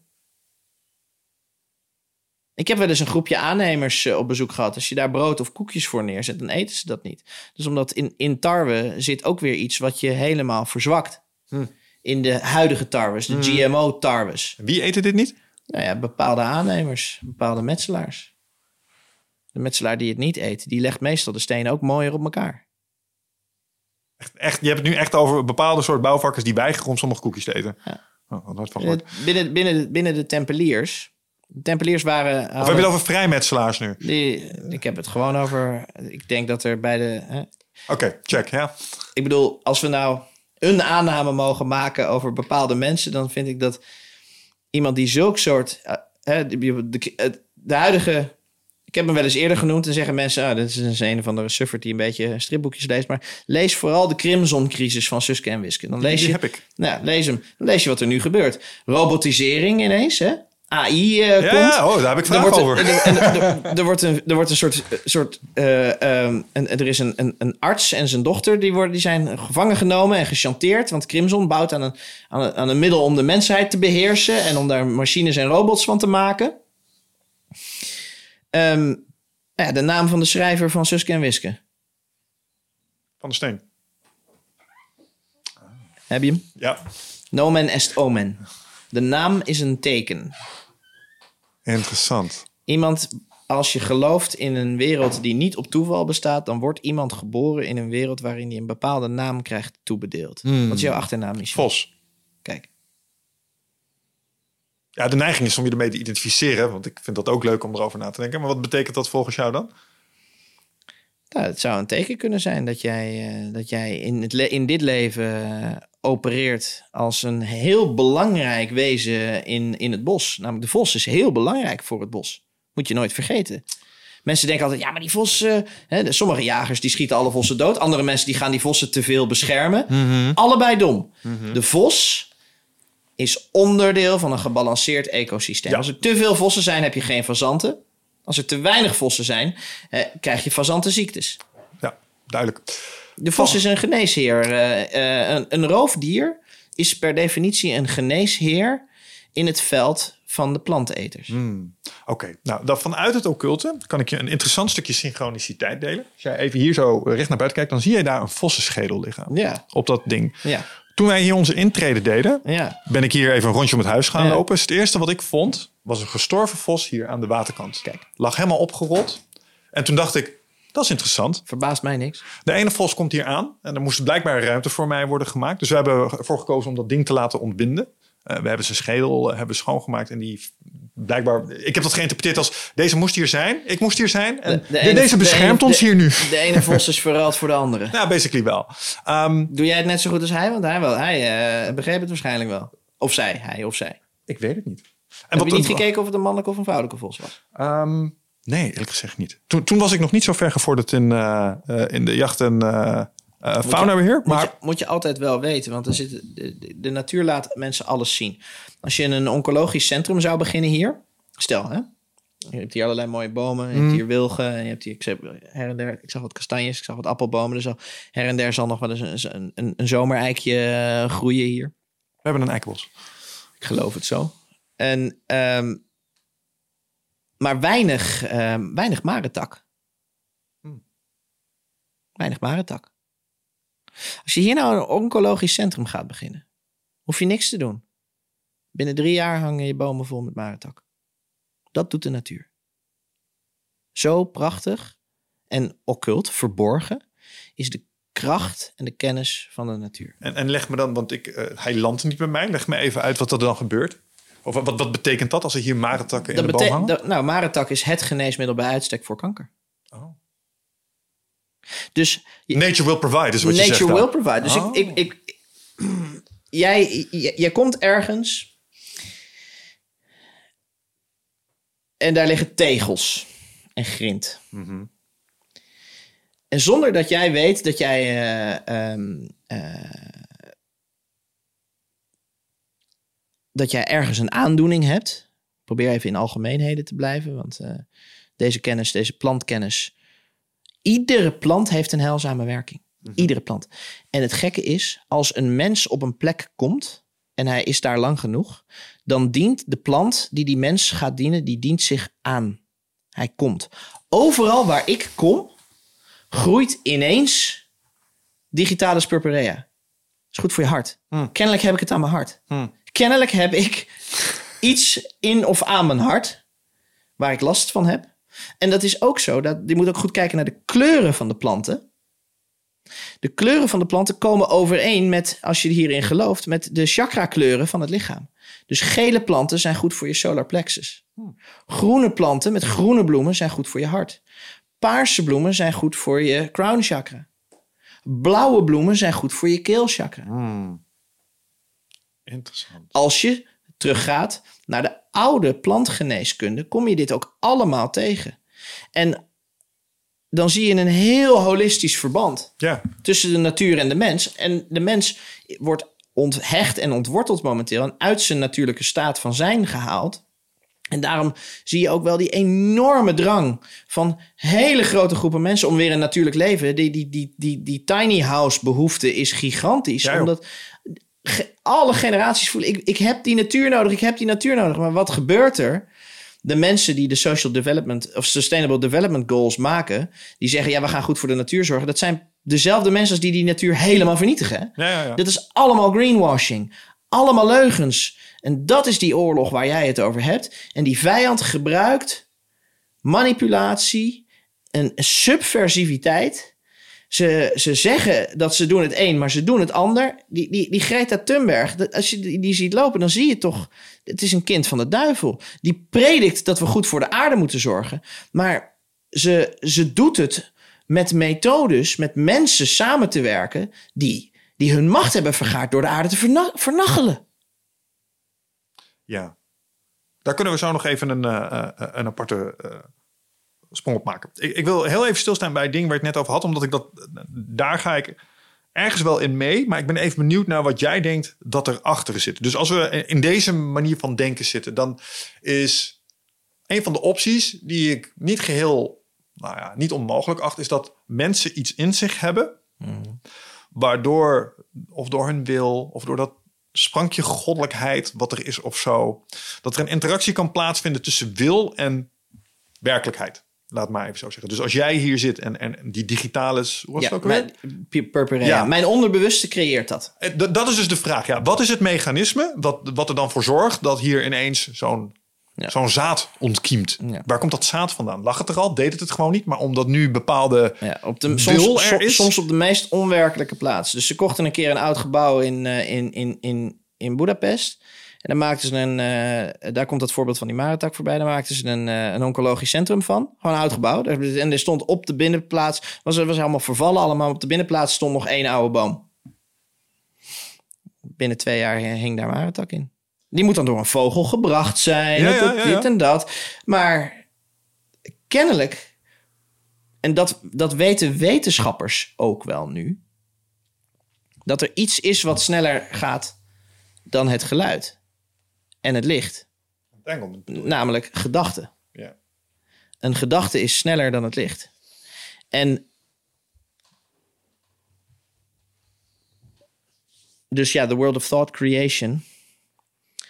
Dat is ook waarom mensen gelijk hebben als ze zeggen stay positive.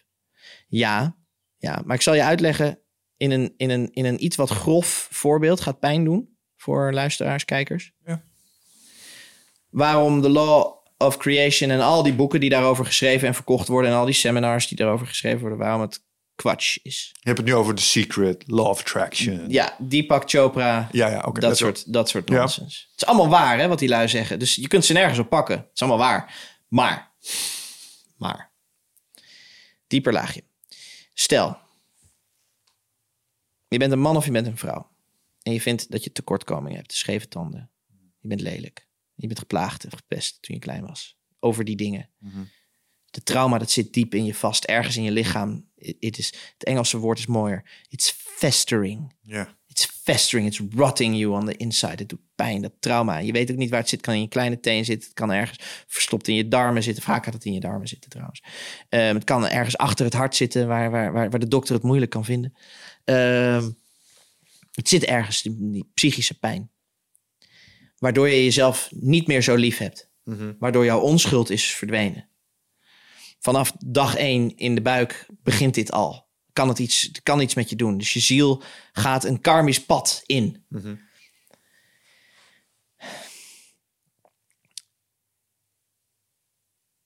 En dan kom je dus op het punt dat je, je wilt er vanaf. Want je voelt je lelijk. Of, of, of, of eh, je bent imperfect. Goh, hè? echt waar? Is de mens imperfect? Nou zeg. if, if God created man in his own image, God was, was ugly. Unless je ki- tenzij je kijkt naar de echte schoonheid van de mens. Ik heb wel eens, te, zeiden leerlingen tegen mij, zeiden van, eh, vonden ze iets lelijk? Ik zei altijd van, eh, er, bestaan, er bestaan geen lelijke dingen. De creatie is perfect. Wij maken er de gedachte van imperfectie van, vanuit zijn eigen onzekerheid. Dus die law of attraction en de behoefte om daar iets mee te doen, komt ook bij de mensen niet zozeer uit hun angsten en hun trauma's, maar uit hun onzekerheid. Want ze willen graag zekerheid. Mensen zijn altijd op, behoefte, op, op zoek naar zekerheid. Ja. Ik heb slecht nieuws en goed nieuws. Bestaat niet. ja, bestaat niet. Nee. Dus dan kijkt... Laat ik mezelf als voorbeeld nemen. Maar iedereen kan zich, kan zich misschien hierin verplaatsen. Ik vind mezelf dan... eh, ik heb één wenkbrauw, die zit wat hoger. En, eh, ik heb imperfecties. Ik heb, dus dus ik, ik, ik wijk af van het goddelijke ideaal. Waar ik zo naar verlang. En dan kijk ik in de spiegel. En dan zeg ik, I am perfect just the way I am. Of eh, I, feel, I feel great. Veel mensen doen het voor, seks, voor, voor, voor seksueel gewin. Of voor economisch gewin. Hè, dan, dan, I want to feel better about myself. Want dan krijg ik een goede partner. Dan kan ik mezelf voortplanten. En dan, dat is, dat is de, de één na beste manier to cheat death. Hè? Voortplanting. Ja, ja. Dus de cell has two options. Immortality is lastig. Tricky. Maar tricky. blijkbaar te of doen. reproduction. Veel bomen kiezen voor reproduction. Veel dieren kiezen voor reproduction. Mensen kiezen ook voor reproduction. Want immortality, het is best lastig. Er schijnt ergens eh, een, een onsterfelijke boom te zijn. Hè, in, in the Garden of Eden of Yg- Yggdrasil. Give it a name. Dus onsterfelijkheid is real. It's a thing. It's real. Maar het is moeilijk. Het is niet voor iedereen. Uiteindelijk kan het voor iedereen zijn, maar voor de meesten is het te moeilijk, te pijnlijk, want je moet ergens doorheen. En het is makkelijker om dus de vermijding weer te kiezen. Dus we doen de power of creation, we doen thought creation, we kopen boeken zoals The Secret en we gaan in de spiegel kijken of we plakken daar, we plakken er helemaal vol met post-its. Vandaag word ik succesvol, vandaag krijg ik liefde, vandaag I'm, I'm good enough. Stel, ik doe dat, 's ochtends, ik sta voor de spiegel en ik overtuig mezelf hiervan. It's working, it's working. Ik loop naar buiten en iemand roept tegen mij, hey lelijkert, het is weer weg. Hoe kan het dan dat ik, als de world of creation werkt, hoe heb ik dan diegene gecreëerd die tegen mij zegt: hey lelijkert? Dat is omdat mijn onderbewuste niet gelooft wat mijn bewuste mij probeert wijs te maken. I'm pretty, I'm pretty, I'm good enough, I'm, I'm gonna be successful today. Eh, ik, ik, ik, ik, ik doe alle oefeningen die in al die boekjes, in al die kwatschboekjes staat. Ik doe al die oefeningen van vandaag word ik sterk. Ik doe mijn push-ups. Jordan Peterson, hè, maak je bed eens op. Keep your house clean. Al die, al die shitzooi waar we, waar we, waar we in het, het huidige tijdsgevricht met het spiritueel materialisme mee te maken krijgen. Allemaal onzin. als ik die post-its en, ik- en ik- vandaag ben ik succesvol. Mijn onderbewuste gelooft het niet. Nee.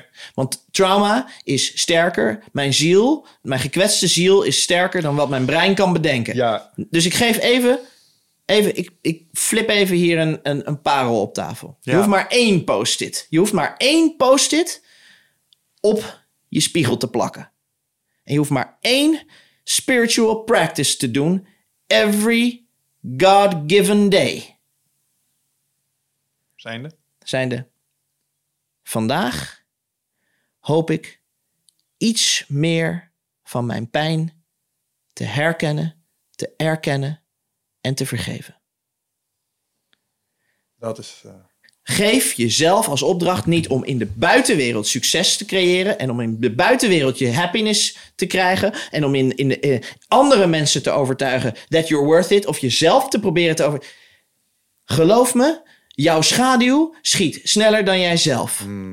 Ja, dit vind ik echt mooi. Want dit, dit is wat je, wat je hier omschrijft. Is enerzijds, want eh, die, die interventies, laat het maar even zo noemen. Die technieken, die zitten te graven of die proberen te vroeten in de voorkant van je hoofd. En proberen iets met je executive power, je- de, de framing en dat soort dingen. Dus daar, daar kan misschien een klein beetje succes in worden gedeft. Maar het neemt het op tegen ja, je noemt het trauma, ik noem dat een complex. Ja. Dus jij hebt een set aan gedragingen ingegeven door de tik op je neus. die je, Luister, it, it, it eats you for breakfast, man. Je kan het er niet van winnen. It eats you for breakfast. Dus als, als, je, als, jou, als, jou, als jouw moeder je ooit een keer heel vervelend heeft aangekeken, dat trauma, dat zit zo freaking diep. Dan kun je echt niet zeggen. En, en, en daarmee, met dat trauma, creëer je de hele tijd mensen een hekel aan je hebben. Want je bent zo bang. Je bent zo bang dat iemand een hekel aan je heeft. Ja. En die loopt naar buiten en iemand heeft een hekel aan je. En kijk, zie je wel. En dan voel je je weer veilig. Want dat is je, dat is je zekerheid geworden. Je home ground, your safe space, is when people give you shit and they hate you. Ja, want het is bevestiging en het is de zekerheid ergens om weer even full circle te komen. Maar dit brengt mij, zeg maar, die, die, het feit dat je het opneemt tegen. Voor mij is het heel lastig, want ik heb een hele fijne jeugd gehad. Ik heb te goede ouders gehad. Dat is een andere vorm van, van pijn, hè? Kan ook, hè? Ja. Dat is een andere vorm van pijn. Ja, Dan te heb je, veel pampering. Dan, heb je het zo fijn gehad. Dan heb je het zo fijn gehad. En dan kijk je naar de wereld en dan, en dan, en dan, en dan denk je... Holy mac. Ja, je- iedereen doet elkaar pijn. ja, je hebt je frictietolerantie niet getraind. Iedereen doet elkaar pijn. Maar e- even naar. En, dat, en dan krijg je een trauma op latere leeftijd. En dan, ge- geloof me, dat is net zo erg als een trauma op jongere leeftijd. Raak je ook niet meer kwijt. Nee. Ik zit nog steeds in een rouwproces van wel duizend verschillende dingen. kan me voorstellen. Want, want nogmaals, het zijn die, die, die complexen die in je onderbewuste huizen. Maar daar lag dus wel het begin van mijn eerste occulte forays. Omdat ik... eh, te- kijk, mijn occulte reis is... Ik lees graag, eh, zeg maar, de, de boeken die erover gaan. Ik, ik ben ook een fan van Tolkien. Magic systems vind ik fascinerend. Ja. Dus, dus het heeft mij ook altijd... Wat nou als de wereld geen magie heeft? Dat, dat, zou, dat zou me veel meer pijn doen Zeker. Dan, dan dat de wereld door een magische occulte Ja. groep geregeerd wordt. Nee. En there is no magic. Als What? alle mysteries weg zouden zijn, zou ik droevig What? worden. There is no magic? Juist. Ik neem, ik, ik vind het, ah, ik, ja, het simpelste voorbeeld vind ik wel, en dan gelukkig dan even niet naar die mensen. We gaan zo meteen terug naar die menselijke staat van zijn Mhm. rondom de magie. Dat is wat mensen toch ook wel erg interessant vinden. Hè? Is er een duistere club mensen die ons kwaad wil doen? Ja, Ik zeg altijd, zalig zijn, zijn zij die onrechtvaardig sterven. Dus als, als je een... eh, stel, wij lopen hier naar buiten en er ligt roadkill. Dat vind ik vreselijk om te zien. ja. Ik vind dat altijd vreselijk om te zien. Denk ik, wij arrogante mensen in die, in die, in die stalen machines. En we rijden eventjes vol zo'n zo'n zo'n zo'n flesh and bone is week. Hè? Het is week materiaal als je het vergelijkt met staal. Ja, ja. Maar ehm, Staal kan trouwens ook week zijn. Hè? There is no spoon. ik wou net zeggen, en het ligt er ook aan waar het tegenaan komt. Er zijn andere dingen in de wereld. Bending the spoon with the power of the mind. Die? Yuri- Yu- Yuri Geller en, Yuri- en Nio. Ja. Maar eh, wil even, even terug naar dat, dat, dat stuk om complex om, het- om het loopje af te maken. Ehm, dus wat ik op een gegeven moment interessant vond, is om al die boekjes te lezen van mensen in de echte wereld, die dus blijkbaar een deel, een substantieel deel van hun leven hadden gewijd aan echte magiesystemen. En toen kwam ik in, in het terrein van Chaos Magic. Ik weet niet of je het kent.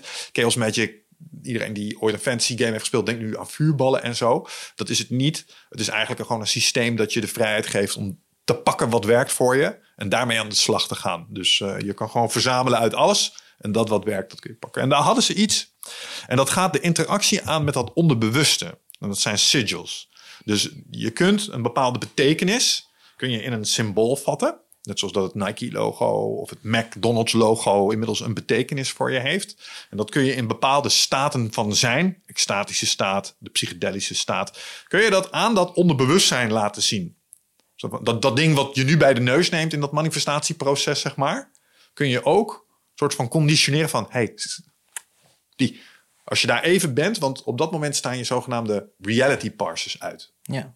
En dat was voor mij een beginnetje. En ik Maar dacht van, waarom, waarom zou je dat nou doen als je gewoon de herinneringen die pijn gedaan hebben kunt oproepen door, eh, door een veiligheid te creëren? Ik adviseer heel veel mensen, neem die psychedelica nou eens in het bijzijn van iemand die je echt lief hebt. Echt. Ja, maar het hoeft geen psychedelica. Het kan ook een meditatieve nee, staat zijn. Nou, of- ja, maar dat is hetzelfde toch? Dat is, eh, ja, sure. Nee, maar de, de, de Delos is eh, ehm, alleen maar de route. ja. Nou, ik denk dat, dat wat jij omschrijft als manier is om, om je, je trauma onder ogen te komen, is een hele geldige goede manier.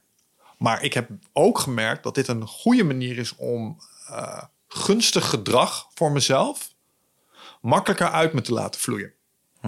Dus daar waar weerstand, mijn schaduw, hè, voorkomend uit mijn eigen genius, zo af en toe mij voor de voeten gaat lopen, eh, merk ik dat als ik dit soort meditatieve oefeningen doe, dat ik er, of dat placebo is, dat kunnen we dan even in het midden laten, eh, maar dat ik dat makkelijker navigeer. Dus, Ik, ehm, ik hoop dat placebo echt is. Dat betekent dat je jezelf kan genezen zonder rotzooi te Ja, nemen. nee. heb je niet eens planten nodig om jezelf te genezen. Dus ik hoop dat placebo echt is. 100%. Dus, dus dat even als antwoord op je vraag van waarom zou je dat doen? Ik denk dat het hand in hand kan gaan. En ik denk niet dat het een beter is dan het ander. Maar ik merk dat ik dit een... Nou, dit was een eerste ding waarvan ik dacht... oké, nou dit kan ik nog wel een beetje aan mezelf verkopen... als zijnde eh iets in die richting doen. Want het, het voelt als meditatie en het doet iets met het onderbewustzijn. Ja. Nou, raken we al een klein beetje het occulte aan. En dat is waar ik je aan de ene kant... Je hoort wel wat je zegt, hè? Sorry, Je hoort wel wat je zegt. wat zei ik dan? Eh, Dat, dat kan ik aan mezelf verkopen. Ja, zeker. Omdat, ehm, kijk, als je tegen mij zou zeggen: ik kan ehm, een rune in de lucht tekenen en ik kan daar een schatkist voor je manifesteren, Ja, ga ik niet mee. is gewoon niet hoe het principe van eh, zeg maar causaliteit werkt. Maar zou er een mechanisme kunnen zijn waarbij ik met wil een soort, net zoals de zon in het zonnestelsel, een soort zwaartepunt creëer? hoe maakte die alchemisten goud dan? Ik geloof niet dat dat fysiek goud was. Ik geloof dat dat een, een, een, eh, een beeldspraak was voor, voor het mentale en, en spirituele stuk. Ja, potato potato. Want als je de goede staat van zijn bereikt mentaal... dan is de, de, de, de fysieke werkelijkheid eh, wordt... eh, Oké, maar dit, dit is boeiend. Dit, it, it will bend at will. dit is potentieel een antwoord op mijn It volgende will vraag. bend at will. Oké, mooi. Want we hebben het zojuist, had ik je de vraag gesteld van schets nou eens zeg maar, het speelveld waar we inzetten en welke actoren zijn en wat is het doel en wat is het eh, paranormale component daarin. En de volgende vraag die ik heb is, als je daar nou eens op verder bouwt. Dus eh, wat, wat ik heb gehaald uit je verhaal is dat er een oorlog gaande is richting onze ziel. Ja. Ehm, en dan is de vraag natuurlijk, ehm, wat is dan een ziel? Waarom wordt er oorlog meegevoerd? Ehm, en, en blijkbaar door schaduwkrachten. Hm, weet ik niet. Nou ja, of maar door powers that be. Of, eh, een, en er is iets dat erop beweegt. Nou, dus er is nog een wereld hiernaast. Ja. De, mensen, de mensen die dit zo voelen... Hè? en die, die die druk voelen... en die angst... en die, van, dat, van, van so- something that lurks in the dark... Mhm. Kleine kinderen die eh, kijken toch altijd even onder hun bed of er niet een monster zit. Mhm. Dus klein, kennelijk zijn ze zich bewust van het feit dat there's something hiding behind the curtain. Kinderen, kinderen hebben veel beter contact met die wereld, de wereld van eh, Jeroen Bos. Hè? Die, die, die, waar hele rare, enge, duistere wezens. eh. Ehm, dat je denkt van. Wat zat er in zijn verf dan? Hè? Ja, ja, dat, hij dat, de hele- dat hij dat de hele dag zat op te snuiven en dat hij, dat hij, dat hij deze wereld kon creëren. En mag ik er ook een beetje van? Nou ja. Ehm. Dus en, en, en, en vergeet ook niet het belang van, van de plek Nederland. Hè? En, en, en, en Den Bosch en de locatie van de, van de Sint-Jan daar. Zo. Eh, heb, ik, heb ik zo nog een paar vragen over. Maar ik, ik wilde even terug naar dat... Die Te- tegenwoordig een toeristische attractie hebben ze ervan gemaakt. Maar dat was natuurlijk... eh, in het morfologisch geometrisch veld wel een powerhouse. Wat is het morfologisch geometrisch veld? Want nogmaals, ik ga nog een keer proberen om die vraag te stellen over de- het systeem wat hier dan achter ligt. Want Ja. als jij mij zou moeten uitleggen, Mies, dat wat er allemaal gebeurt in die echte wereld, hè, eh, dat, dat leunt aan tegen deze wereld. Want je hebt het gehad over God, Ja, je maybe hebt it's a game. Christus. Zie, het- zie, zie, het, zie het eens als een game. Zie deze oorlog tegen de ziel als een game waarin je een. eh, voor de gamers onder ons. En, dan, eh, en, en, en ook voor de mensen die niet gamen, maar die de realiteit beleven. Echt beleven. En het dus ook willen weten Mhm. van hè, je kunt voor de grap als je dan in de auto zit en je kijkt opzij en je ziet bepaalde dan denk je dit zijn non-playing characters Ja, en precies. dit zijn, Ja, dit ja. zijn NPC's Kan- dat, je, dat je door zo'n woonwijk rijdt en denkt hier wonen echt allemaal mensen En die hebben allemaal zo'n complex leven hebben- als ik. die hebben allemaal zo'n complex leven als ik misschien is het niet waar dus misschien zit je met eh, eh, met 150.000 eh, wezens uit het vorige level hebben we toen een AI gebouwd. En we hooked up our consciousness and we created this world. Ja. Dat is de film The Matrix, maar dat is ook de, een, de veel betere film die hierover gaat. De The 13th Floor, de dertiende verdieping. En ehm, de, hè, want dat is twaalf apostelen en de dertiende is Christus. Dus de dertiende verdieping. En ehm, ook op vrijdag de, vrijdag de 13e eh, werd eh, Jacques de Molay eh, op de brandstapel gezet in, in Parijs. Heel, heel bijzonder, heel klein stukje gras, hè?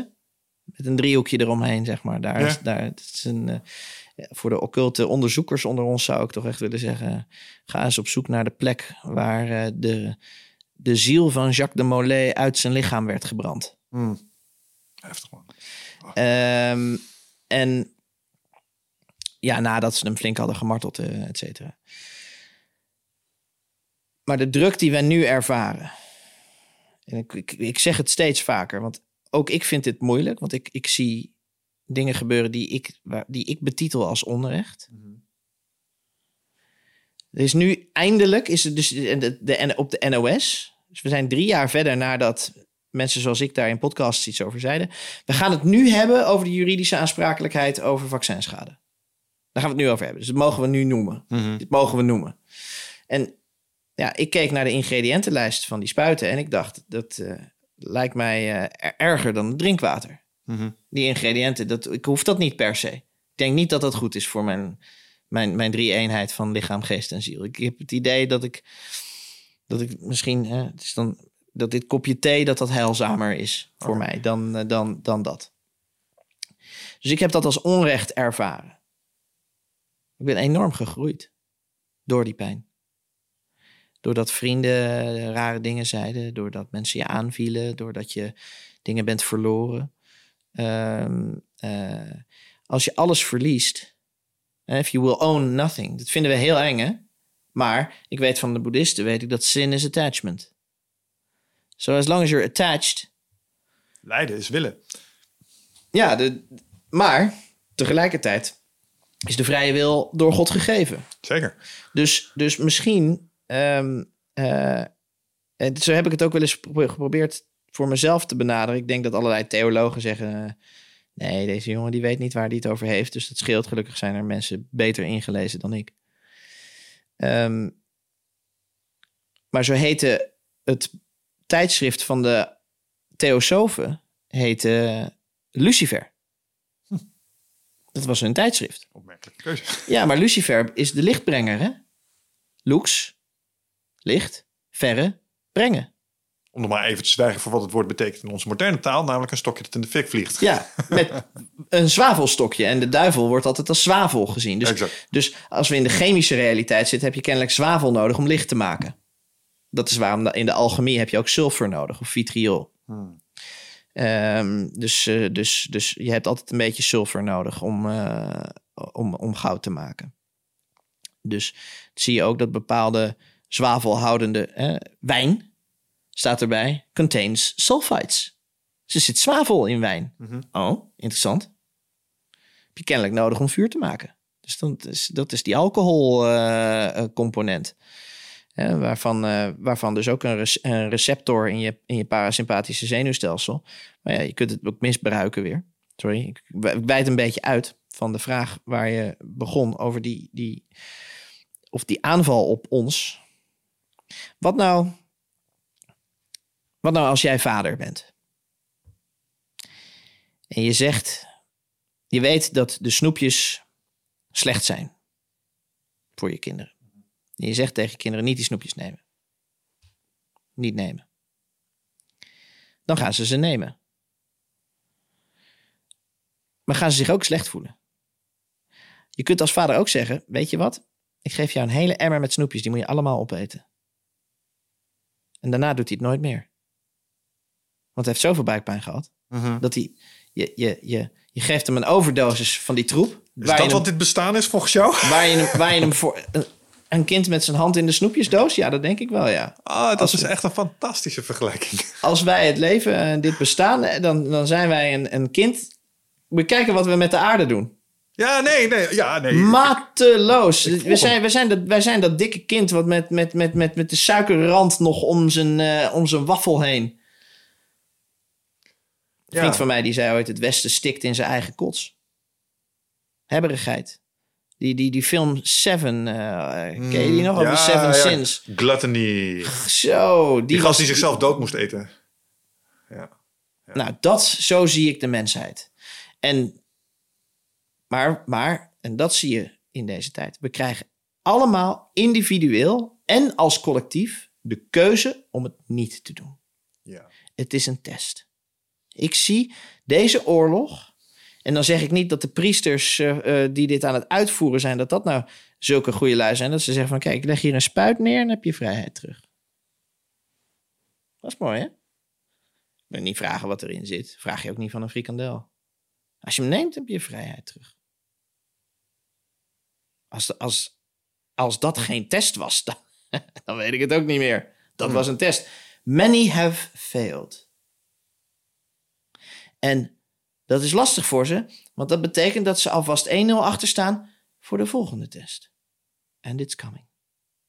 Of juist niet. Ze, ze staan voor. Wellicht. Nou, in de zin van, luister man, ik heb de, ik heb de spuit gewoon genomen. Ja. Ja. Dus als ik eh, mijn mentale lenigheid zou betrachten hierin, fool me once, shame on me. Ja. Snap je? Ja. Geen tweede keer, jongens. Nee. Snap je? Dat is het risico wat je ermee Ja. creëert. Dus een beetje terug naar een Ja, oorlog reeds verloren. Ja, maar de tweede, de tweede test ziet er natuurlijk helaas voor ons allemaal heel anders uit. Nee, dan, 100%. Dan, dan Dus de zal- eerste test. Want deze zagen, de, zagen we ook niet aankomen met z'n allen. Hè? Maar ik denk dat die in de fundamenten gelijk zal zijn. In de zin van offer je nu iets op. Of ga jij iets geven om iets terug te krijgen. Of kies je voor een ander pad. En misschien maakt de uitkomst degene die de test voor je neerleggen helemaal niet eens uit.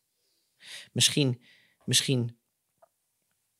Weet je, je hebt wel eens mensen die zeggen: Ik ga liever naar de hel, naar de duivel, want daar zitten de Rolling Stones. En in de hemel moet je de hele tijd naar het harp, het harpje. Het is toch een harpje luisteren? Daar word- Daar word je ook niet gelukkig van. Dus misschien maakt dat ook niet uit. Kijk, ik beoordeel of veroordeel zo min mogelijk. Want bij ieder oordeel kom je meestal bedrogen uit. Er zit altijd nog wel weer een ander laagje achter wat je niet begreep. Dus dat is ook zoiets. Mensen proberen eh, te spreken nu in termen. Dat is een hele, hele hotte term, hè? eh, fake news en eh, desinformatie en propaganda en, Het narratief. en onwaarheden. Ja. Ik moet je heel eerlijk zeggen dat eh, voor iemand die, eh, die dit leven ziet inderdaad als een, eh, als een uitdaging, de uitdaging wordt wel steeds groter, want het wordt steeds ingewikkelder. Maar het is echt als een soort puzzel. En een computergame, weet je wel. Weet je, speelde je vroeger wel eens Lemmings? Die eerst Zeker. Level, Oh no! level 1, level 1 was, Ja. was prima te doen, maar vanaf level 3 werd het complex. Dan moest je er een paar opofferen, dan moest je tellen, dan moest er één bouwen en die kon dan vallen. Ja. Dan moest de volgende bouwen en dan oh, oh, en moest 30% veilig thuis brengen. Ja, het is de vernederende momenten dat al mijn lemmingen weer, weer door de shredder werden gehaald. Maar dat is wat het spelletje leuk maakt, nietwaar? Dat is wat het spelletje leuk maakt. Dus er zit iemand, denk ik, de great creator, als je dan over de vrije metselaars, die G, zeg maar, de, de grand architect. Ik denk dat hij gewoon met ons een potje lemmingen aan het spelen is. En dat Wouldn't wij, be surprised, man. ja, Ja. ja. weet je, they have fe- dit is, misschien moeten we tegen die gast zeggen, we, hey man, we have feelings, you know. Dat lijkt mij de meest dystopische, meest kwaadaardig mogelijke uitkomst. Ja. Beetje zoals eh, I have no mouth, but I must scream. Dat je in een, in, een, in een simulatie zit van iets wat je eigenlijk gewoon aan het tormenten is. Gewoon voor its pleasure. Net zoals wij met mieren fokken, omdat we... Ja, is grappig. Ja, ja. dat, dat, lijkt me, dat lijkt me echt het, Ja. eh, het, de engst mogelijke uitkomst. ja, nou vind ik, nou vind ik van dat mierenplagen, eh, vind ik eh, de versie met het vergrootglas en de zon, die vind ik het ergst. Ja, Don't, don't, schuldig. don't do that, don't do that. Nee. Ehm, wat ik wel mooi vind, is als je dan zo meer... En dan komen ze uit en dat je daar dan extra zand in legt. You tear down their house. Ja. En dat is ook wel een beetje wat er nu natuurlijk gebeurt. Iedereen... eh, bijvoorbeeld, eh, als je het dan heel concreet maakt... dan gaan we echt van een enorm abstractieniveau naar heel concreet. En dat is voor veel mensen vaak heel moeilijk. Jij wilde met mij over het abstractieniveau praten... dus dat, dat zijn we dan ook aan het doen. Maar neem de, de, eh, de verschuiving van je eigen huis van box 1 naar box 3 in Nederland. Mhm. Daar staat tussen de regels staat daar you will own nothing. Dat huis, dat wordt nooit van jou. De vereniging eigen huis kan zichzelf opheffen, want er komt nooit een eigen huis. It will never be yours. En dat is in het kader van sinus attachment is dat goed. Want wen maar vast aan het idee, you will own nothing. Wen maar vast aan het idee. En misschien word je dan een beetje genudged richting het stoppen met attachments. Dat is wel heel erg, want ik hou wel van hechting. Ik vind die boerenstand, die wordt ontworteld als laatste gehechte stand, staat in pagina 217 van Oswald Spengler's Untergang des Abendlandes. Afhankelijk natuurlijk van welke editie je hebt. Ehm, maar die ontworteling en die onthechting betekent misschien ook wel dat we met z'n allen minder angst hebben, omdat we moeten gaan leren houden van onzekerheid. It will, it will never be yours. Everything will pass away. Je hebt in, in, in het Japans heb je een term dat heet hakanasa. En dat betekent, betekent onder andere de zinloosheid van het menselijk beproeven. Mooi. Wij proberen, wij proberen van alles. en dan kijk, kijk, neem Manhattan. Prachtig. I love it and I hate it. Het is geweldig. City of Sin. Prachtig gedaan. De mensen knettergek. De spulletjes allemaal inhoudsloos, maar prachtig. Ehm, er hangt daar een hele goede en hele enge vibe, net zoals in Amsterdam. You gotta love it and, and hate it. Ja. Het, zuigt je helemaal leeg en het boosts you. Het boosts you up en het zuigt je weer leeg en het boosts you up.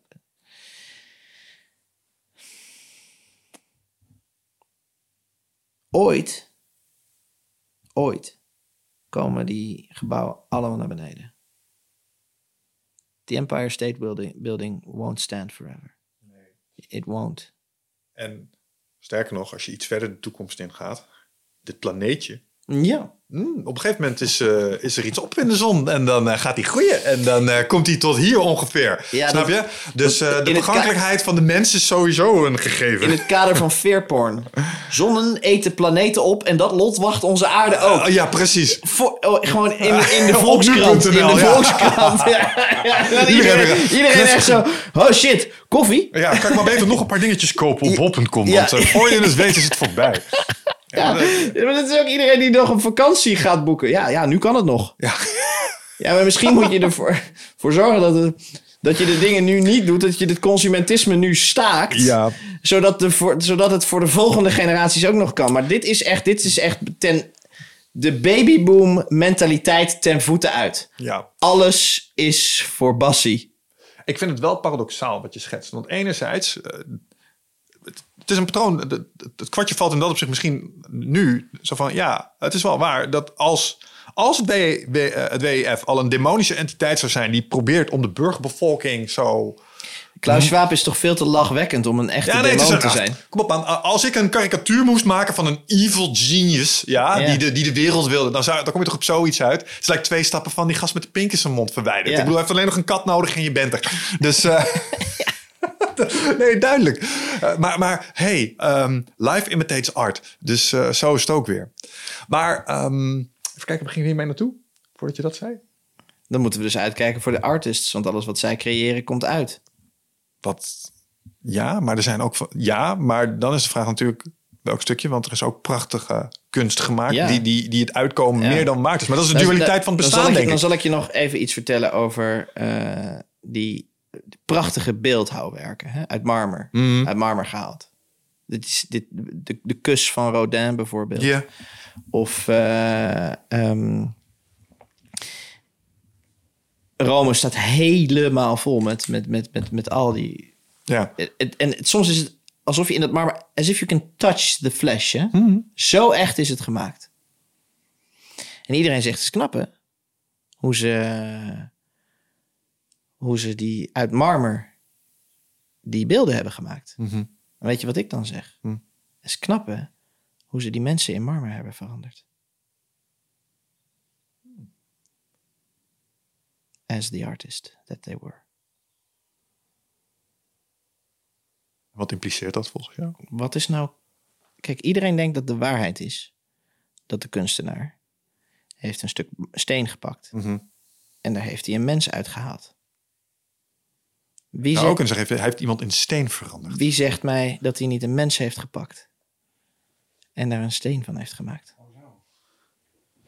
Ja, was wel opgevallen, denk ik. Als het echt letterlijk zou Is dat zijn zo? geweest. Eh, hier in Nederland missen we geloof ik nog 1500 kinderen die echt kwijt zijn. Dus mensen verdwijnen wel eens. Hè? People, nee, dat- people disappear. En dat snap ik. Ehm, Dus zeker in dat soort tijden, toen ze nog geen BSN-nummer hadden. Bovendien zijn het allemaal eh, vaak hele gespierde mannen. Dat, eh, de, in die tijd was slavernij echt wel een dingetje, zeg maar. Dus je kocht er gewoon een. Dus als jij een kunstenaar was die in staat was om middels een tovertruc een menselijk lichaam in steen te veranderen. ja. Lees de metamorfose van Ovidius maar eens na. Hmm, Soms verandert een god in een, in een, in een berkenboom. Hè? ja. De kracht, de kracht van het berkensap. Heb je daar wel eens, heb je dat wel eens? Je kunt berkensap kun je drinken. Nee. Even voor de mensen thuis, do not try this at home. Dan moet je wel weten wat je aan het doen bent natuurlijk. Want die berk moet het ook overleven. En zo'n berk staat graag zijn sap af. Berkensap is extreem geneeskrachtig. Maar dat kan zijn omdat alle berken die wij hebben op aarde... feitelijk de nazaten zijn van één god die besloot... ik word een berk. Dus je, moet niet, hoeft niet meteen in het evil te denken. De e- Kijk, als de wereld thought creation is, dat je, dat je als je een bepaalde mate van magische kennis beheerst en je kunt, je kunt de realiteit beïnvloeden, dan hoef je misschien niet eens een levend mens te pakken om hem in steen te ver- veranderen. Maybe you just create it with a thought Ja. and you bring it into reality. Dus dat hij, hij heeft niet met een bijteltje marmer gepakt. Hij heeft geen mens met een evil spel in steen veranderd. He just created the thought of the perfect man in stone. Ja, alright. En dan zijn we nu aanbeland in het domein van de magie. Want dat is echt wat, wat dat is. Hè? Dat is de fascinatie ook. Simsalabim. Het zal zijn. Ehm, Harry Potter. ja, dus, dus je kan dingen voor elkaar krijgen met... Alle stafjes zijn gemaakt van hulsthout, hè? De holly tree. Waar eh, Hollywood. Holly, Hollywood is niets anders dan een magic wand van een hulstbos. Feitelijk, feitelijk. Wie hadden we ook weer? De schaatser, weet je hem nog? Hulzebos, Hulzebos. Oh, ik, ja, nee, zeg maar niks. Sorry man. Juri Hulzebos. De schaatser die de, die de Elfstedentocht had moeten winnen... Ja. maar het verloren heeft van de spruitjesteler Henk Angenent. Nee, vergeten? Nee, ja, sorry. Briljant nee, moment. Iedereen wilde dat Yuri Hulzenbos. Maar het- Hulzenbos is, is eigenlijk Hollywood. En dat klopt ook wel, want hij was de, show, de showman. Maar, nou komt hij.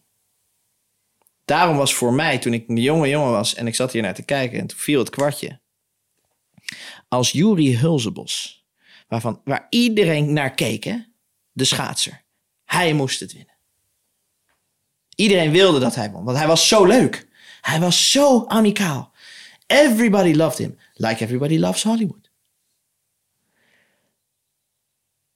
Maar hij werd tweede. En hij werd verslagen door een hele saaie, hardwerkende spruitjesteler. Henk Angenent.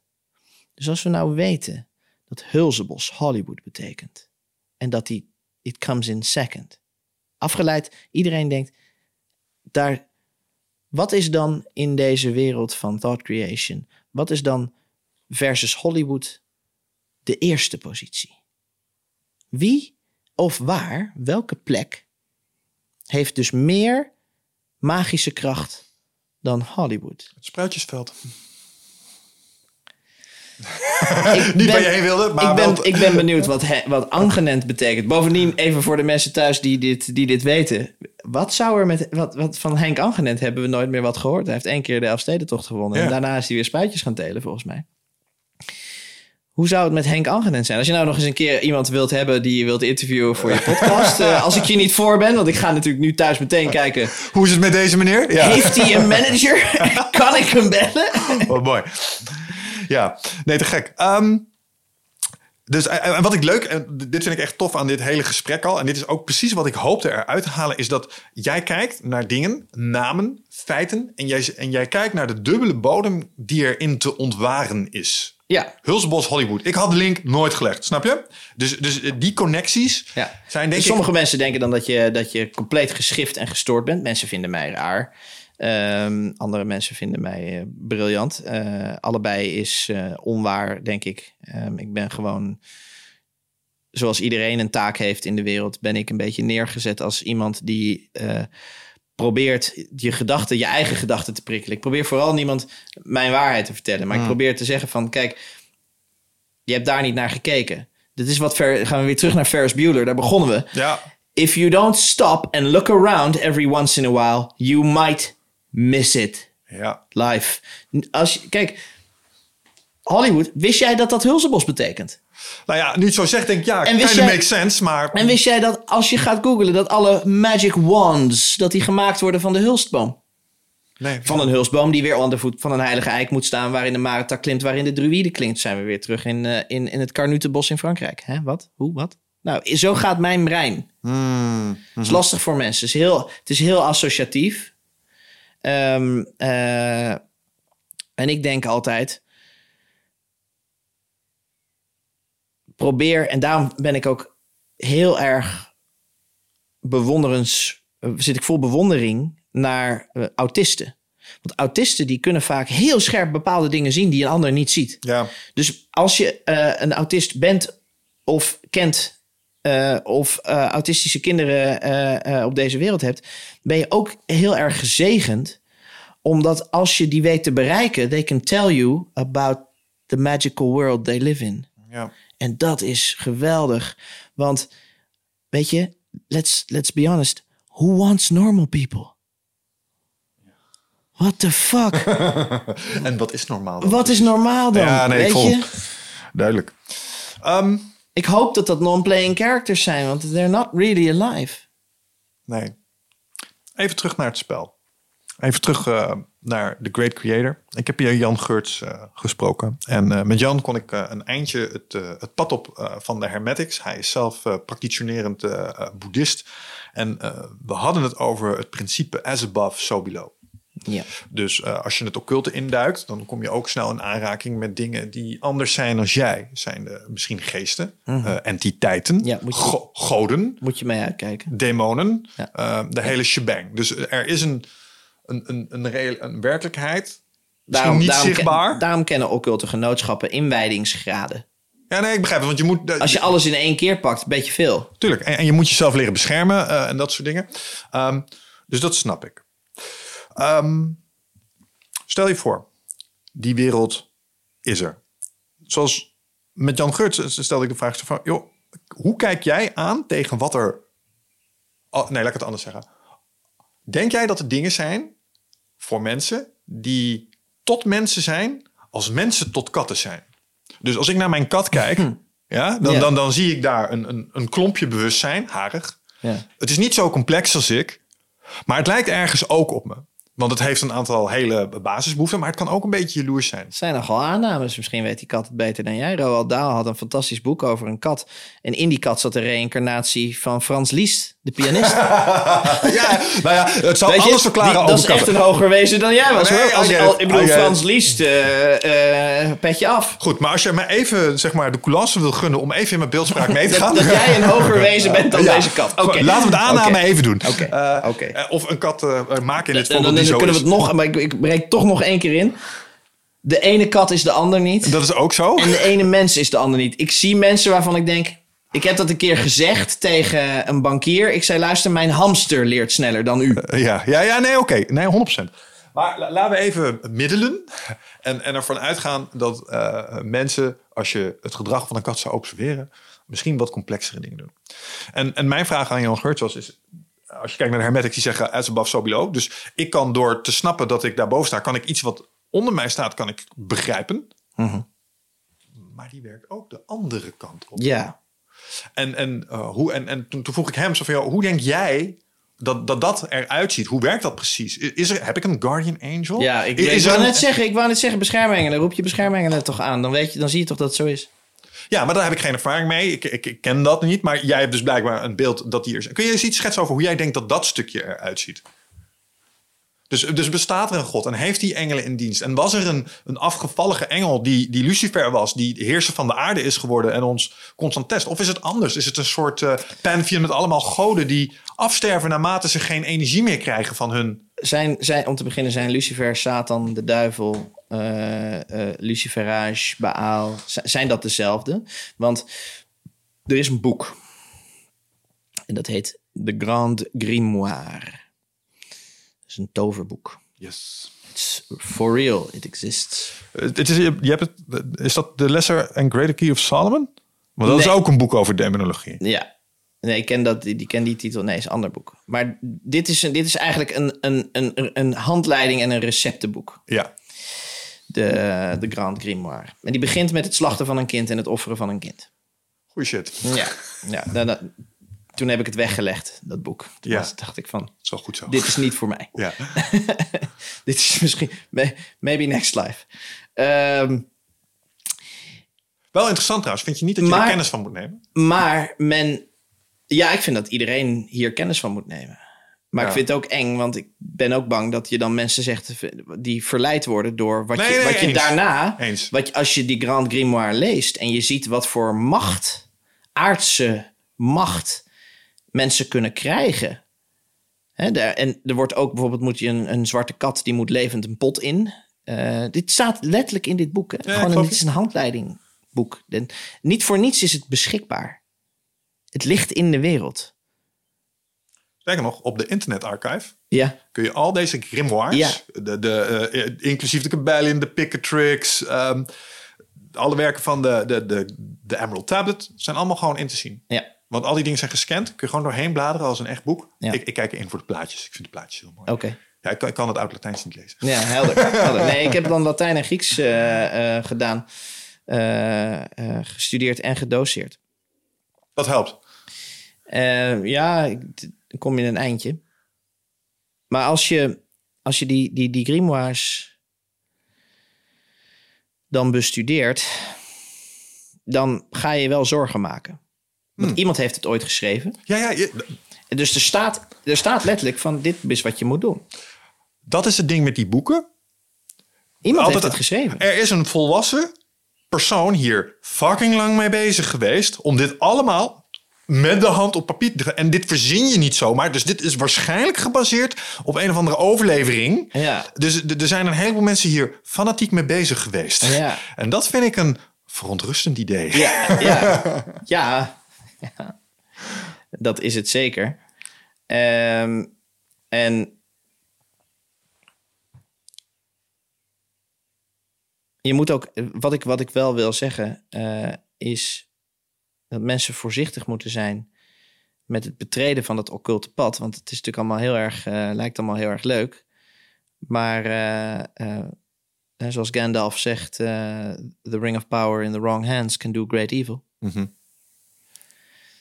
Dus En, is dat dan een reden waarom mensen ermee moeten oppassen? Omdat ze wellicht... nee, laat, me, laat me de vraag dan eens formuleren aan je. Stel je hebt vrije energie. Je, je, je doet een uitvinding en dan heb, heb je vrije energie. Zou je het aan de wereld geven? Tesla heeft dat niet gedaan. Tesla heeft, Ja, ik wou zeggen, want je hebt het nu over Tesla. hij heeft 16 essentiële pagina's heeft hij doormidden gescheurd. Hij zei, de mensheid is hier niet klaar voor. Hij heeft het zelf, iedereen zegt hij is tegengewerkt, zeker. Maar hij heeft het ook zelf vernietigd. Omdat, ja, kijk, dan, moet je, dan stel ik altijd de volgende vraag. Oké, denk aan de meest kwaadaardige persoon die je kan bedenken. Zou je die free energy geven? Niet, eh, ja, het antwoord daarop is niet exclusief hem. Nee. Dus ik denk, net zoals met nucleaire wapens, Ja, dat er een, dat er een zuiverende werking uitgaat van de mutually assured destruction. Uh, Dat geloof ik. Want anders was een, het nucleaire arsenaal ons al fataal geworden. ja. En ik geloof ook in de goedheid van de mens ergens. Omdat ik ook weet dat we een aantal keren op de rand van atomische apocalypse hebben gestaan. En dat één individu, een Rus genaamd Petrov, volgens mij zei... Fuck it, ik doe het niet. Eh, dus ja, we kunnen, we kunnen dingen creëren die ongelooflijk destructief zijn. Maar op een of andere manier Ja. gaan we toch ook een soort oog van de naald. En ik weet niet of dat toeval is. Ik denk, ik denk dat. ehm, ik denk dat al die gedachten. eh apocalypto betekent vanuit het verborgene. Je hebt bijvoorbeeld in de Odyssee van Homerus heb je de, de godin heks Calypso. Ja. Dat is een Calypso. Je, jij kent haar misschien uit, ehm, Eh, Pirates. uit Pirates of ja, the Caribbean. en als een En- ijsje. Dit is Calippo. Oh ja. Nee, ja, Calypso. Eh, en, en, en Calypso be- betekent eigenlijk eh, eh, ik verberg. Oh. Zij, dus zij verbergt de dingen. En dat is wat occult ook betekent, hè, het verborgene. Ehm, dus heksen en, en, en tovenaars, die, eh, die, die, die, die verbergen dingen. Het is natuurlijk, als je alleen ziet dat er een soort klopjacht is geweest op heksen en tovenaars, dan snap je wel dat ze een keertje underground zijn gegaan. Ja. En dan zijn ze underground gegaan en dan vinden we dat vinden we al relaxed. En dan gebeurt er in, dat, in die underground gebeurt er ook nog iets wat je zou kunnen kennen als de tovenaarsleerling. Dat een tovenaar met goede bedoelingen, die leidt per ongeluk iemand op waarvan hij niet helemaal gezien heeft dat hij een, een klein zaadje duisternis ergens diep in zijn ziel verborgen heeft gehouden. Dus je moet als tovenaar ook goed uitkijken wie jouw leerling wordt. Zeker. Want je kunt wel, maar als daar een, een heel klein zaadje duisternis zit, dan gaat dat met die toverkracht, gaat dat heel groot groeien. Ja, ik, ik, vind het, ik, vind, ik, snap, ik snap helemaal de vergelijking die je maakt. Nou vraag ik me alleen af of magie misschien... eh, en, en het leren ervan lijkt me ook niet iets wat makkelijk is. De zuiverende, zuiverende werking kent als bijvoorbeeld het Braziliaans jiu-jitsu. Ik weet niet of je daarmee bekend bent. Ehm, maar dat is, oh, dat is de nobele kunst van kleren opvouwen met mensen er nog in. Het is de meest effectieve vechtsport die ik ken. En je kunt je voorstellen dat als je in, in theorie iedereen dat zou leren, dan eh, zitten de gasten tussen die gaan er eikelige dingen mee doen. Maar in het verkrijgen van de vaardigheid van het Braziliaans Jiu-Jitsu word je zoveel blootgesteld aan ongemak, trainen, dat er ook een soort character building plaatsvindt in het leren van het Jiu-Jitsu. Dus iemand die uiteindelijk zijn zwarte band heeft, kan het niet super groot dat dat nog een Nee, eikel maar is. sommigen haken af bij de bruine band. Ja, oké. Ja, en dat En die is, maken, die, maken ja. die opleiding Ja, niet af. ik volg hem. Ja. En die gaan met de kennis die ze hebben tot aan die bruine band... kunnen ze een heleboel eh, rare dingen doen. Maar het is wel waarom uiteindelijk Henk Angenent wint van Jori Hulsebos. Dus de zwarte band, inderdaad, het laatste stadium. Zolang er genoeg zwarte banders zijn Ja. Om een Ja. multitude aan bruine banders... want die bruine banders die gaan ook weer vaak een eigen schooltje beginnen. Hè? Dat is het nare. Ja, die hebben hun autootje hier en een, eh, weet ik veel, clubje loge daar. Die en, beginnen, eh, die beginnen toch ook weer een eigen. Die, die, die slaan dus een verkeerde. Die slaan, nou ja, noem het een verkeerde, maar die slaan een andere weg in. Een, een, een weg van destructie.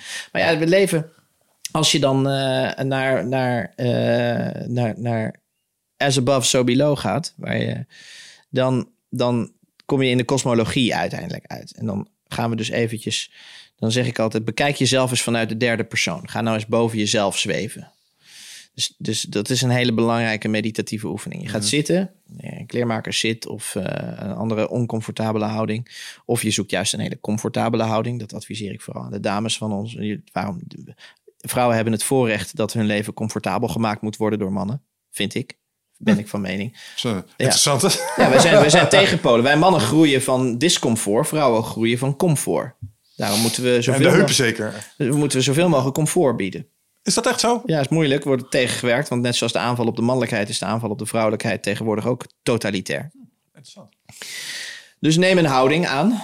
Uh, dat is ook zo, dat, dat zie je dus misgaan bij, bij uh, heel veel mensen die als man geboren zijn. Die gaan dus allerlei vrouwelijke comfortabele dingen. Weet je wel hoe lekker een warme douche is en, uh, en, en een matras en zo? Ja, dus, super tof. Ja. Ja, ja, ja, Ik ken ook mannen die, die, die slapen op de grond en, en die nemen koude douches. Ik moet heel eerlijk zeggen dat ik vind ze al gauw succesvoller in het leven. Uh, dus comfort maakt je ook uh, zwak, hè? Zeker. Lui. Goede uh, tijden maken zwakke mannen. Goede tijden maken zwakke mannen. En, um, maar goed, dus als we, dan ga je boven jezelf zweven. Dus je kiest een positie uit en je kijkt naar jezelf. Dan, dan ben je eerst meestal een paar minuten bezig met jezelf uitlachen. Van zie je, zie je jou nou zitten? Pannenkoek. Ja, jij denkt dat je het allemaal kan en weet. Dus je, you take the divine observer, zeg maar. Dus die, je bent het zelf, je, die, jij bent degene die naar jezelf kijkt. Ja. En, en de volgende stap is, dan ga je uh, uh, een, een, klein beetje minachting ga je voelen voor diegene. Omdat hij zo, omdat hij zo klein is. Mm. Omdat hij eigenlijk zo weinig weet. Mm. Want step up your game. Doe nou eens beter je best. Daarna ga je een klein beetje medelijden voelen. Van, ja, hij kan er zelf eigenlijk natuurlijk ook niet zo heel veel aan doen. Dit is, dit is given, given all the circumstances. Mhm.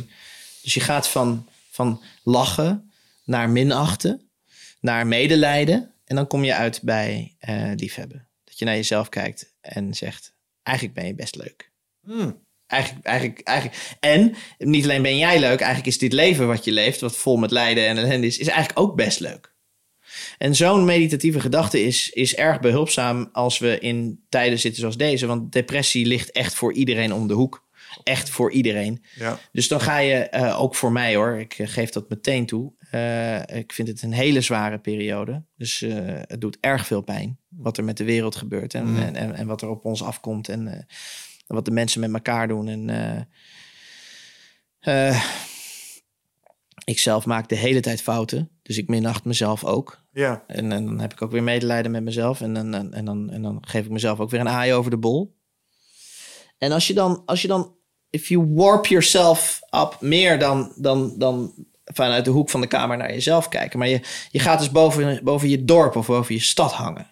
En je ziet al die individuen in datzelfde modderbad er doorheen ploeteren en ploegen. En dan ga je naar die samenleving kijken en dan denk je van wow. En dan ga je ook wel zien van hé, hey, iemand daar, daar loopt een ziel met een lichtpuntje.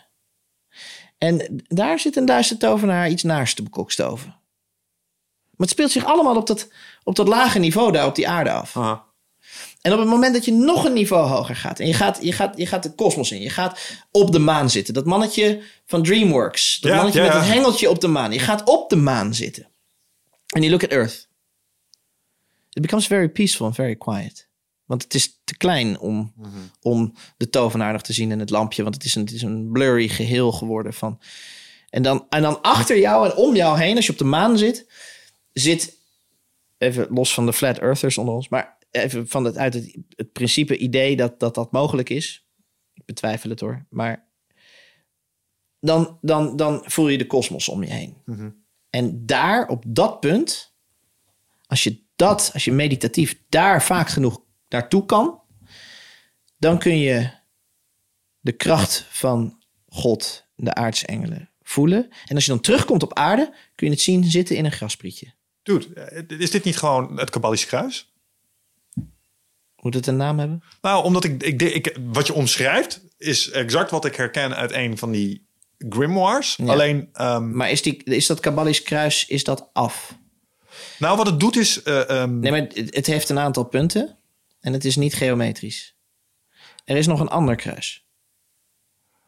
ik, ik, ik denk dat ik je vraag niet goed begrijp. Misschien beantwoord ik je vraag door te beantwoorden hoe die werkt. Het, het, Kabbalisch, het Kabbalisch kruis is een afbeelding van de kosmos die niet af is.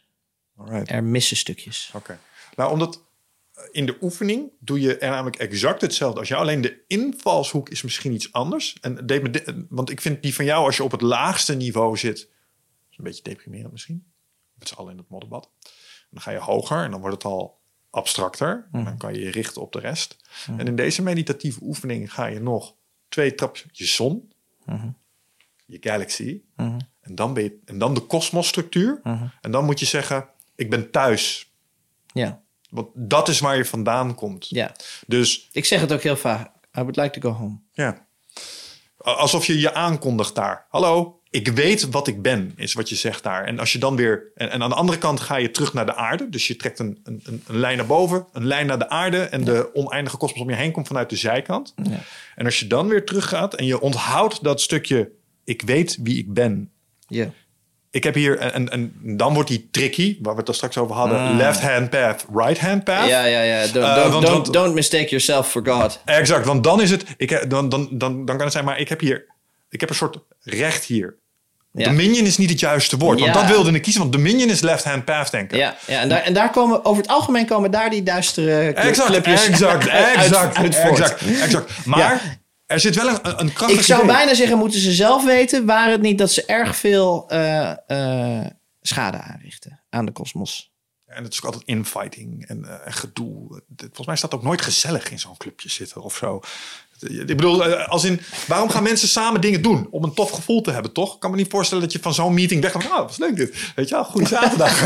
We hebben, een, we, hebben een, we hebben een levende kat in een pot gestopt. ja, ja, just another day at the office. Nee, dat kan ik me niet voorstellen. Nee, maar het gebeurt niet. Hè. In, de, in de wereld, wij bespreken nu dingen waarvan de meeste mensen zeggen... Nee, joh. Nee, joh. Ja, maar dat is dus het Michel, hele... wat heb je nou? Wat heb je? Je gaat comments krijgen en e-mailtjes van wat is, ja, wat heb je nou voor? Wat is dit nou voor iets raars? Oh, het zit me echt helemaal niks. Dit is toch niet echt, joh? Dit is toch, dit is het toch niet? Maar, maar, maar en als je dan vragen gaat stellen aan ze van, maar hoe verklaar je dit dan? En hoe verklaar je dat dan? En je laat een paar, een paar, een paar feitjes zien van, van de geschiedenis. Of, of Kijk, ik, ik kan alle dingen waar we het over hebben... ehm, kunnen we tot op een heel groot deel... kunnen we daar allerlei fantastische psychologische... evolutionair psychologische... culturele, antropologische verklaringen voor vinden. Dat is allemaal hartstikke makkelijk. Maar het beantwoordt niet het mysterie van zijn voor mij. En het it, it always comes up wanting... als ik in die hoek ga denken. En er is een reden dat... eh, je noemde het er straks al als eh, met een milde waarschuwing... maar toen ik ontdekte dat er iets bestond als DMT... was ik meteen direct doodsbang. Maar aan de andere kant ook... hmm, daar liggen antwoorden. En, en ik, Ja, maar ja, ik bedoel, eh, het mooiste is als je het bijvoorbeeld op de Wim Hof manier probeert te doen, door ademhaling. Ja, nee, sure. Ehm, en, en het is ook niet altijd nodig om het te doen met eh, exogene eh, middelen. Het, het punt wat ik probeer Mm. Die te... zijn ook over het algemeen minder goed voorhanden dan je eigen ademhaling. Nou ja, en Jan Bommeré zei er het volgende over. Het is allemaal leuk, de wijsheid die je ophaalt met psychedelische middelen, maar het is geleende wijsheid. Ja, ik zeg altijd van het is een soort van eh, it shows you the mountain, it does not take you there. Ja, je bent niet boven geweest, je hebt hem gezien. Exact dat. Dus het werk is niet echt ik gedaan. moet heel eerlijk zeggen dat als ik naar Mount Everest zou gaan, dat ik ook gewoon liever aan de voet van Mount Everest in een dorpje een kopje thee zou drinken en naar die berg kijken. En dan hoef ik er ook niet op. Om in de rij te staan aan de top met de ja, rest maar, van de... maar het idee achter Everest beklimmen was natuurlijk wel een spirituele. Daarom is Sir Edmund Hillary ook zo'n iconisch figuur geworden. Omdat bergbeklimmen is een metafoor voor de berg beklimmen in jezelf. Ja, dat volg ik. Zeker. En, maar dat kan ook achter een kopje thee aan de voet van die berg. Alleen, alleen de hardship. De hardship maakt, maakt van de berg opgaan, maakt het vaak wel eh, goed. Ja. Waar ik heen wilde was dat ik denk dat... ehm, kijk, er is een reden dat ik dit fascinerend vind. Kijk, luisteraars van mijn podcast weten... ik ben een rationele boerenlul, Udolst, weet je wel? Ehm, dus ik, Olst Udolst, Ralte eigenlijk. over Den Isel. Ja, dit verklaart alles voor je waarschijnlijk. Ja, je zit helemaal aan de verkeerde kant van het Ik weet het, ik ben niet in, de, ik ben niet in home country right now. Er loopt nu een energiemetertje leeg. En zodra ik de IJssel overga, loopt hij weer vol. Echt waar? Nou, dat voel ik wel een Die beetje IJssel, zo soms. jongen. Die, die, die, die IJssellinie, dat was ook echt... Dat is, dat is energie, echt een ding, ja. Ja, nee, ik zit, ik zit aan, de, aan, de, aan de... Wat ik dan de goede kant, aan de Gelderse kant van die IJssel. Oké. de- die grond... eh, Net niet Duitsland, zeg maar. Nee, nou nee, nee, nee, nee, nee, nee, nee. voor nee, alles aan nee, de nee, linkerkant nee, van de IJssel is Utrecht. rechts Meer, meer, bij, meer bij Utrecht. ja, Ja, ja. nee, ja, nee, ja, dat is, je hebt, ja, nee, je hebt, een, je hebt een mooi Duits accent. Ja, dank je. ja, mooi. Maar d- dus uh, even terug. Dus eigenlijk vind ik uh, rationaliteit, logisch nadenken, wetenschap, uh, empirische methoden, vind ik allemaal hartstikke belangrijk. Zeker. Uh, en, en, als het gaat om, hey, hoe werkt mijn telefoon? Als het gaat om de route-navigatie, kunnen we daar ook gewoon allemaal niet omheen. Dat zijn gewoon dingen die gewoon keihard zou werken. Zeg maar, lichtsnelheid, relativiteitsleer. Het zijn allemaal gewoon dingen waar je mee te maken hebt. Dat gezegd hebbende, sluit dat voor mij absoluut niet uit dat er een laag van complexiteit boven en onder ons kan zitten, die misschien op enige manier, gewoon omdat we het niet weten, ja. benaderbaar is. En um, ik snap ook dat er dingen zijn als de wet van grote aantallen. Dus er zijn overal op de wereld, op elk moment zijn er een aantal mensen die dingen meemaken waarvan ze denken, dit is wel echt toevallig, hè? Dat snap ik helemaal. maar mijn subjectieve beleving is, is er ook wel een die positiever, leuker is als ik de ruimte laat voor synchroniciteit. Ja. Ja. Dus, en, en dan kan ik alsnog daar rationeel naar kijken. Er zijn, er zijn mensen die, die bouwen zelfs hele deeltjesversnellers eromheen om dit allemaal uit te, uit te leggen. Hè? Hoe doe je dat? De synchroniciteit is een van de, een van de onderzoeksvragen bij uh, de deeltjesversneller in Hessen is dat, is dat en de deeltjesversneller in CERN. Om, oh. dit, om dit. How do we explain this? Ja. Nou, ik kan me dat wel voorstellen. Dus de natuurkundigen uh, proberen dit te meten in de materie. Ja. Ja, en, het, en... het non-materiële, het, dus het fijn. Dat is. Het lukt ze ook nog uh, af en toe, geloof ik. Om het fijnstoffelijke te meten in het grofstoffelijke. Dus je neemt grove stof. Mm -hmm. Ja, materie. Materie. Die zou dan moeten bestaan uit iets fijnstoffelijks. Iets, iets Mhm. mm -hmm. multidimensionaals. Dus een beetje grappig dat mensen zeggen van... ja, maar we ascenderen naar een hogere dimensie uh, momenteel. Nou, laat me, laat me daar eventjes een speldenprikje inzetten... en die roze olifant even doorprikken... dat we bezig zijn met the way up. Mm -hmm. We might actually be going on the way down. Omdat, Evaluatie. Omdat we wat we nodig hebben in, als mensheid... Dat heet uh, in, in het, het human design. En dat is ook gewoon een, uh, een man die, die daar iets uh, over op heeft geschreven. Dus neem het vooral niet te serieus. Maar die zegt dat we in 2027... We step into the age um, of the sleeping phoenix. Dus als, als de vogel opgebrand is. Mm. En voor mensen die dan over toeval... Je hebt die voorpagina van The Economist en je hebt zo'n cryptocurrency, de Phoenix. Ja. Die doet niet zoveel, want er zit geen goede technologie achter, zegt men. Zegt men. Ik snap dat nooit zo goed hoe dat werkt. Maar um, de Phoenix is natuurlijk in Harry Potter ook een hele interessante vogel om te zien als onderdeel van de magie. Mm -hmm. Dus als de, als de Phoenix, dat staat ergens voor. Die, dat is die vogel die in ons zit. Die ook eigenlijk ook weer die alchemistische. Uh, um, je hebt van die mensen die doen tegenwoordig uh, Kundalini yoga. Mm -hmm. nou, dat heeft ook met die phoenix te maken. Die phoenix die opstijgt vanuit jou, die vogel, die dan zijn vleugel, vleugels spreidt en dan vervolgens in de lucht vat die vlam mm -hmm. en foef, is hij weg. En de phoenix is natuurlijk eigenlijk de Gryffindor, de, de, de gouden griffioen. En dat is dus dat concept van dat de draken in ons zouden leven. Mm. Uh, wat dat betreft is, is, zijn Harry Potter en Tolkien niet voor niets gewoon ook in deze tijden weer heel erg populair. Omdat wij kunnen er naar kijken en ons onderbewuste herkent de boodschap. Ja. Daar moet je ook goed uitkijken met dat soort... Want ze kunnen dus ook een andere boodschap daarin versleutelen. Nee, 100%. Die ervoor zorgt dat in plaats van that we rise as human beings, we fall. Oké. Ik denk dat, we- dat dat misschien een, een, een mooi aanknopingspunt om richting een, een einde van deze podcast te gaan werken. We zijn inmiddels al bijna op de 2 uur 15 minuten aanbeland. Dus we doen het eh, uitzonderlijk goed in dat opzicht. Het voelt alsof het uh, lijkt uh, Ik hoor je, we zijn vijf minuten bezig. Exact dat.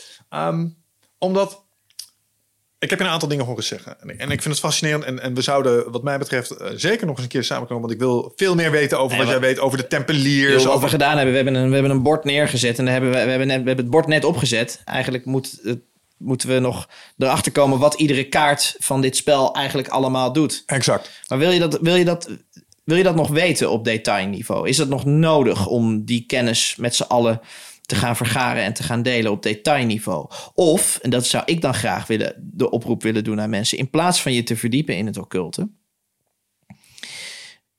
verdiep je in wie jij zelf bent. Want onder jouw luisteraars zitten de gereïncarneerde zielen van grote tovenaars. Mm -hmm. Die hier rondlopen en allemaal denken: hè? Waar, hè? Waar is mijn magische wereld? Waar, waar, ineens is de magie is dood. Mm -hmm. Dit is een, een, een bommelboek. Dat gaat erover, dan stopt een kabouter... die stopt met, uh, met, zijn, met zijn magie.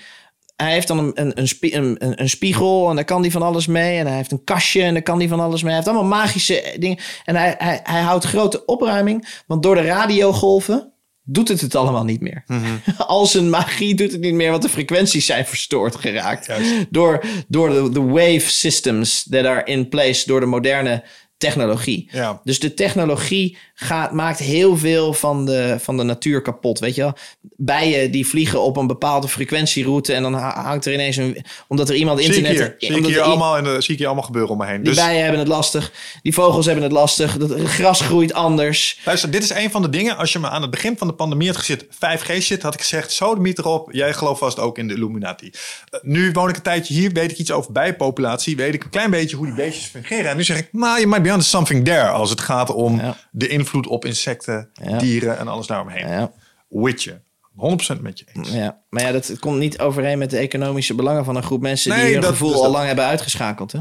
Hey, Even je vraag beantwoorden. Is het nog nuttig om die individuele kaarten die we hebben besproken, die nu op tafel liggen en waar er nog meer van zijn die niet op tafel liggen, eh, in verder detail te onderzoeken? Ja, dan moet je de hele Vaticaanse kelder gaan Nou ja, lezen. in, te- in tegenstelling tot eh, wat je zei, onderzoek jezelf. Ik denk dat het een aangename combinatie tussen beide moet zijn. Omdat ehm, in, het, in het grasduinen, in deze verschillende stromingen, zoals Telema en de Kabbalion en dat soort dingen, kwam ik concepten tegen die expliciteerden wat ik eigenlijk al een beetje wist, maar niet onder woorden kon brengen. Oh, da- dat is hem. Dat is hem. Daar zit hij. Oh, nu snap ik het. En als je hem dan. En omdat ik, ik ben van de meta, dus ik vind het leuk om dan over stromingen heen te kijken. Bijvoorbeeld eh, de Kundalini versus de chakra versus het kristallen paleis, eh, zoals dat in, in eh, Taoïsme wordt ingezet. Er zitten parallellen tussen, jongens. Misschien moeten we eens naar die parallellen kijken. Misschien moeten we eens kijken naar het gemeenschappelijke patroon. En, en als je over die werken heen kijkt, ga je patronen zien. En dat is mijn kunstje dan weer. Dus ik denk dat daar zeker een, een waarde in zit om dat verder te onderzoeken. Om te kijken welke patronen zijn er dan in te vinden. Getriggerd door wat je net zei over Tolkien. Ehm, Harry Potter. Wijsheid. Als wij ons bevinden in een oorlog en die is potentieel reeds verloren, dan is natuurlijk een vraag wat te doen. Ja. Kick back en relax en hedonistisch tussen de andere Jamaicanen gaan zitten en lekker een blootje roken. Dat is een van de opties. Ik zie veel mensen dat doen. Ja, Andere mensen die zeggen: Fuck that shit, ik verkoop alles. Ik stap in een camper eh, en ik ga ergens in de natuur wonen. Eh, komen ze meestal ook bedrogen uit, want Juist. een vliegje op je neus gaat gewoon mee. ja. Ehm, so you can't run, you can't hide. Eh, En Alistair Overheim zou nu zeggen...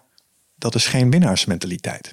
Dus ehm, ik weet je weet wie Alistair Overheim is. Een grote vechter. En eh, die, hoe dat, eh, als het gaat om problemen oplossen... ja, je kan er wel voor weglopen. Je kan wat doen alsof het niet is. Maar dat is geen winnaarsmentaliteit. ja, Dus, dus, er dus- is iets dus- anders wat er gedaan zou kunnen worden. Ja. Nou, daar heb ik een vraag Het over. begint, het begint met het feit dat je je realiseert dat je eerst moet nadenken: worden we wel echt aangevallen? Of, hebben we, of krijgen we lik op stuk beleid? Ja. Is dit lik op stuk beleid? Nou, een beetje van beide waarschijnlijk, want er zijn ook weer grote economische belangen. Maar de vraag is dan vervolgens: Dat zegt iedereen altijd, ja, maar het gaat allemaal om geld. Nou, dat weet ik zo net nog niet. Ik denk dat het veel meer gaat om bepaalde magische krachten die hierachter zitten.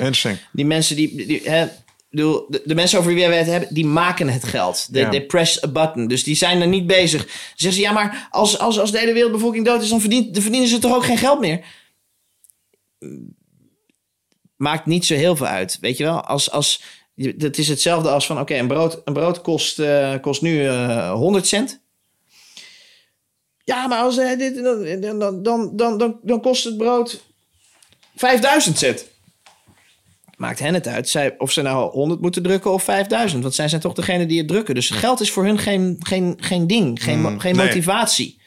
Dus hun motivatie is misschien wel, wel echt het behoud van de aarde en het behoud van de mensheid. Omdat geeft de mensen de vrije wil. En moet je kijken wat ze ervan, wat ze ervan maken. Maar dan zeg je, ja, Ja. maar de politiek heeft, heeft hier toch verantwoordelijkheid voor. En, ehm, dus volg je intuïtie.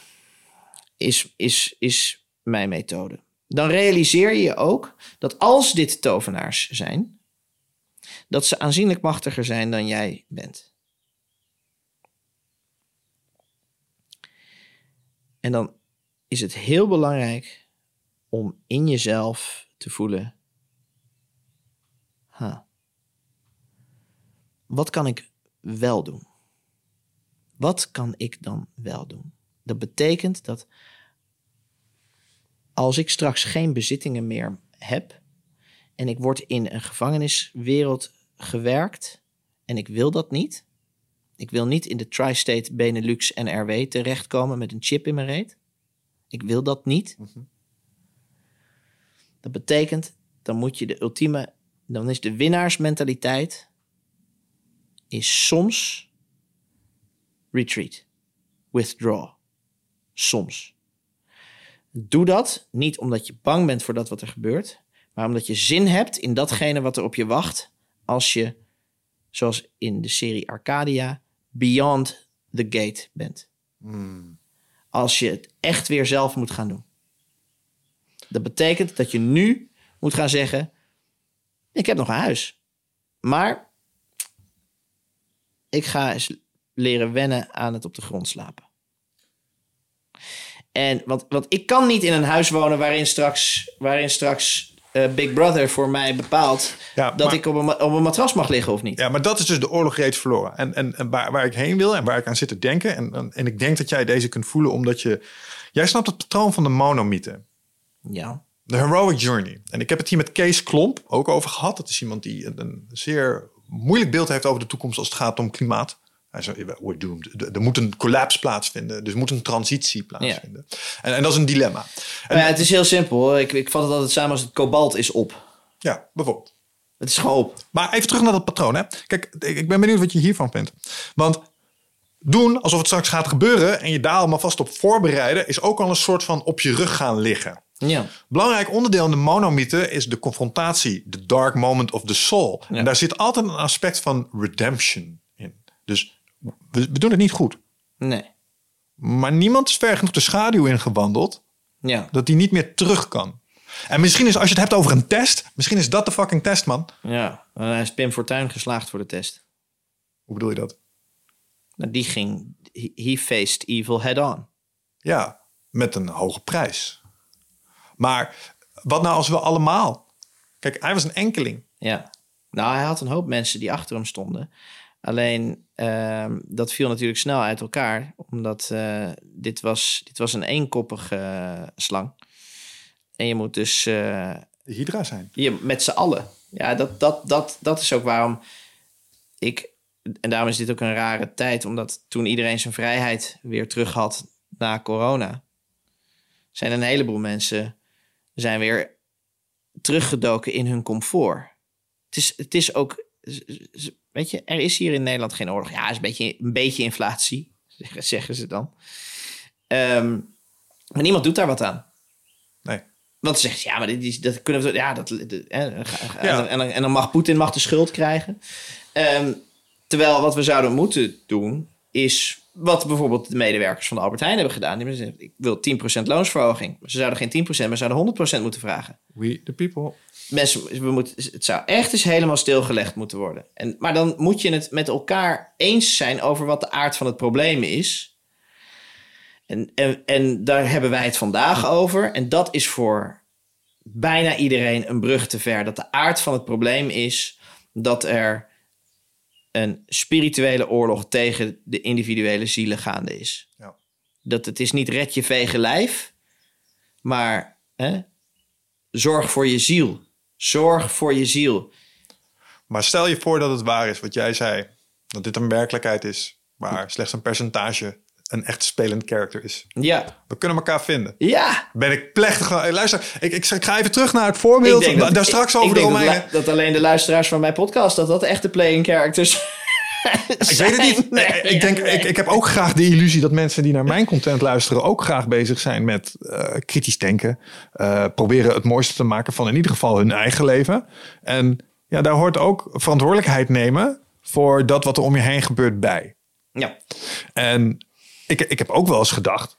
ehm, kijk, nee, laten we de pandemie als voorbeeld nemen.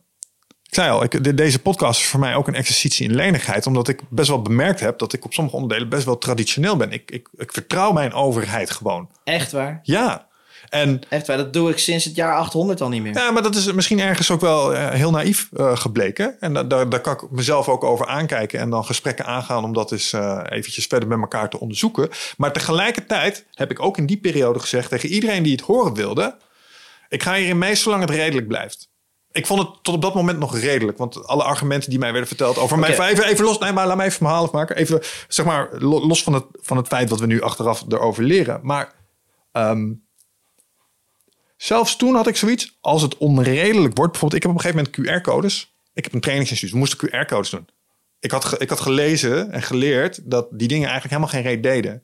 Dan stop ik met handhaven van de QR-code. Ja, Wil, wil, je, wil je moeilijk komen doen? Kom moeilijk doen, gast. Kom, als ik wil het je uitleggen, geen probleem. Maar wat, ik dus probeer te zeggen is dat als er een zekere mate van onredelijkheid wordt bereikt, dan gaat ook de Nederlandse bevolking niet voor zijn comfort. Dan zal ook de Nederlandse bevolking uiteindelijk zijn tanden laten zien. En je mag nooit vergeten dat het volk eigenlijk het echte macht heeft. Ook al lijkt dat misschien niet zo. Dat is iets wat ik stellig geloof. En dan even terug naar het voorbeeld over de Romeinen. Ik denk dat je hier in Nederland en contraien, alles hieromheen, dan ook nog eens een extra moeilijke populatie te pakken hebt. Want je zegt wel, het merendeel van de sterke mannen is er uitgekult, zeg maar, in al die oorlogen hier. Maar er lopen er nog een paar. Je had het voor de prep over alfa-energie. Ik ken genoeg gasten. Die kijken naar. Oh, dat zullen we wel zien dan. Snap je? Dus dat is er. En dat, Ja. mag, dat mag niet onderschat worden. Nee. En, en dat wegwuiven als zijn, nou, we gaan toch met z'n allen mee. Doen we onszelf grandioos tekort. Ik Ja. voel daar best nog wel een stukje bijna nationale trots in. maar dan snap je? ontbreekt het wel aan organisatiekracht. En de andere kant is dan wel aanzienlijk beter georganiseerd. Ja, maar dat zou een tijdelijk probleem kunnen zijn. Ja. Ja, ja, de vraag is hoeveel tijd je hebt. Want er wordt een redelijke blitzkrieg uitgevoerd eh, op de mensheid. Zeker, deden de Duitsers ook. Maar die hebben uiteindelijk ook weer terug een hok in gekregen. Is dat zo? Die begonnen met de blitzkrieg. Ja. Ik, wat de wereld die wij nu zien, zie ik als de verwezenlijking van eh, wat zij eh, beoogden eigenlijk. Ja, maar dat was niet door toedoen van Hitler. Nee, maar daarover zeg ik dan altijd, vind, ik- vind ik een hele lastige. Welke van de tien? Ook van de tien Hitlers. Ja, want als mensen denken dat, Hitler de enige. Ja, nee. dat die man geen zoveel dubbelgangers had. Oh, zo. En, en dat, die, dat daar ges- geschiedsvervalsing over heeft plaatsgevonden. Zou maar zo kunnen. Ik weet wel dat het een, ook een occult clubje was. De uh, Thule Gesellschaft bestond al voordat eh, de corporaal aangewezen werd als degene die de spreekbuis mocht zijn. Hij was niet veel meer dan de spreekbuis van een gedachtegoed van een groep mensen die we natuurlijk niet zo goed kennen. Ja. We kennen een aantal namen uit die tijd. En, en dat is één. Het feit dat jij zo'n naam noemt, betekent dat jij succesvol bent geprogrammeerd. Ik vind Hitler geen interessant figuur in de geschiedenis. Oké. Ik, wat ik interessant vind, is degene die, eh, die achter hem stonden en die we niet kennen. The invisible hand that, that created this puppet. And this puppet is very, very, very uh, uh, persuading. Omdat iedereen nog steeds, 80 jaar na dato, denkt dat, dat hij het was. Mhm. En ik weet van de geschiedenis één ding. Als er iemand aangewezen is als de leider, dan was dat hem niet. Is het vaak niet de Napo- leider? Ja. Napoleon was niet de leider en de bedenker van dit plan. Hij kreeg, hij kreeg de, dat petje op, Ja. hij werd afgebeeld en iedereen werd, werd daar naartoe, naar die beeltenis toe ge- getrokken. En naar die gedachte. En alle energie balde zich daar wel samen. Maar achter Hitler, er zal iemand met zijn hand in die pop gezeten hebben. En die heeft al die miljarden mensen die daar tot op de dag van vandaag naar kijken. En al hun negatieve energie naartoe sturen. Die energie wordt daar geoogst. Op dat, op dat brandpuntje. Zou me niks verbazen. Ja, dit is wat ik bedoel als, als het gaat om luisteren. Want ehm, ja, Hitler is neergezet. Ja, had een invloed. Zou het maar zo eens hebben kunnen zijn dat daar iets achter zat wat ook aan touwtjes trok? Nou, daar ben ik wel een stukje naïviteit in kwijt. Eh, zeer Ken je de legitiem. naam Dieter Eckhart? Nee. Oké. Dus als je Dieter Eckhart zijn naam niet kent, is het eigenlijk als weldenkend mens, die ik jou acht te zijn en jouw luisteraars. Als je Dieter Eckhart niet kent, hoef je de naam Hitler niet te gebruiken. Nou, dat is nog eens een Google-actietje waard dan. He, he made him. Oké. En zelfs Dieter Eckhart werd aan de kant geschoven. En zelfs van hem, we kennen zijn naam over het algemeen niet eens. En hij werd, hij werd later ook weer aan de kant geschoven. Door andere krachten die dat energieveld ook weer konden kapen. Dat zie je aan bepaalde bedrijven. Op het moment dat ze succesvol zijn, worden ze altijd opgekocht door de usual suspects. Ja, de grote clubs die alles inmiddels in de pocket hebben. Nou, en ook dat zijn dingen, daar kan je gewoon niet omheen, man. Kan gewoon zoeken. Kan je, gewoon, Kan, gewoon zien. je kan zo gewoon een gram bekijken en denk je, ah, dat is wel interessant dat alles eh, eigenlijk onder de streep bij één persoon Ja.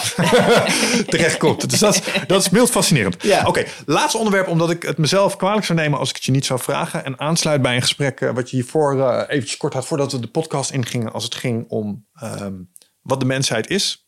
Dat het ook wel de eigenschappen heeft van een rups, zo af en toe. ja. Ehm, en een van de stokpaardjes van een van mijn favoriete podcast-hosts, Joe Rogan, Ja. lijkt bewaarheid te worden. En zijn theorie is namelijk dat de mensheid is een rups. Ja. Om geboorte te geven aan de vlinder die de AI-god heet. Ja. En als je een beetje in de wereld eh, om je heen kijkt, dan eh, zie je dat een heleboel mensen die veel weten van AI, die zijn bezorgd. Omdat ontwikkelingen in een stroomversnelling zijn gekomen en ze begrijpen niet zo goed hoe het ding werkt. Dus eh, die denken, nou ja, als dit echt is en het, het wordt intelligent en slimmer als wij, hebben we een probleem. Vind ik ook op een of andere manier occulte trekjes hebben. Dat idee. Snap je? Dat er iets voortkomt vanuit mensen. En misschien was dat dan terug naar het, het, het hele stuk waar het over had. Ghost in the Shell. Ja, misschien was dat wel het hele idee dan van de mensen die achter de coulissen nu bezig zijn. Geen idee. Maar hoe kijk jij daarna? Het feit dat we aan de. Als je dit heel religieus zou benaderen, staan we aan het begin, aan, de, aan, aan, aan het begin van de potentiële geboorte van een god. Ja. Dude, Ja. dat impliceert nogal het een en ander. Ja. Heb je hierover nagedacht? En Wel, als ik, als, ik, als ik nu zou zeggen, nee, sorry, nee, ben, nee, ik- ben ik helemaal niet mee bezig. Wat is, helemaal eh, niet eens, wat is? Wat Ja. is, wat is dat AI? Hè? Nee. Ehm, eh, Johnny Depp in de film Transcendence. Ja. Ja. Dat was natuurlijk... Dat, dat, zou, dat zou... Wanneer was die film? Wanneer kwam die uit? 2000 of ik zo? weet het niet, maar dat is hoe we was, het die was, hadden. de- de- Toen was internet eigenlijk nog niet eens echt een ding. En toen was die film er al.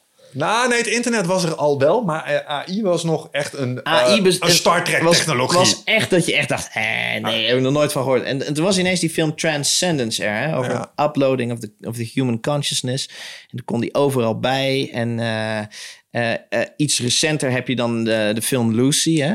Of Age of Ultron was er ook een. Age of Ultron. Van de Avengers heb je Ja. ook een AI die het hele internet overneemt. Ja, ja, ja.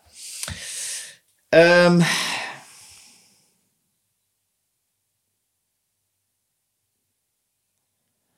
nou, om te beginnen heeft Elon Musk alles gezegd over deze realiteit. Waarin, we, waarin wij dus, jij en ik, nu zitten te praten over AI. This is not based reality. Ja, dat is een mindfuck. Kans is like 1 op een miljoen of zo. Hij zei het! Ja, ik weet het. Terwijl hij stoned was bij Joe Rogan, toch? Ja, hij zat, ja, hij zat bij maar daar denk ik nog wel eens aan. Ik denk daar heel vaak aan. Ja. Dat hij zegt van... ja, de, de kans bestaat dat reality is real. Ja. Maar is heel klein. Maar de kans dat het zo is, is heel erg klein. En de kans dat het isn't real, dat dit, dat dit aan zich al een AI is. En dan krijg je dus, net zoals bij eh, die film eh, ehm, ehm, Inception... Ja. Dat het it's a world within a world within a world within a world within Ja, a world within lagen. a world. En, en, en dan, dan, dan klopt het, want dan is deze realiteit van de aarde niets anders dan een onderdeel van de kosmos die wij kunnen weergeven. Misschien kun je er een inmonteren, eventjes eh, 10 seconden mandelbrot frequenties. Ken je dat? De mandelbrot?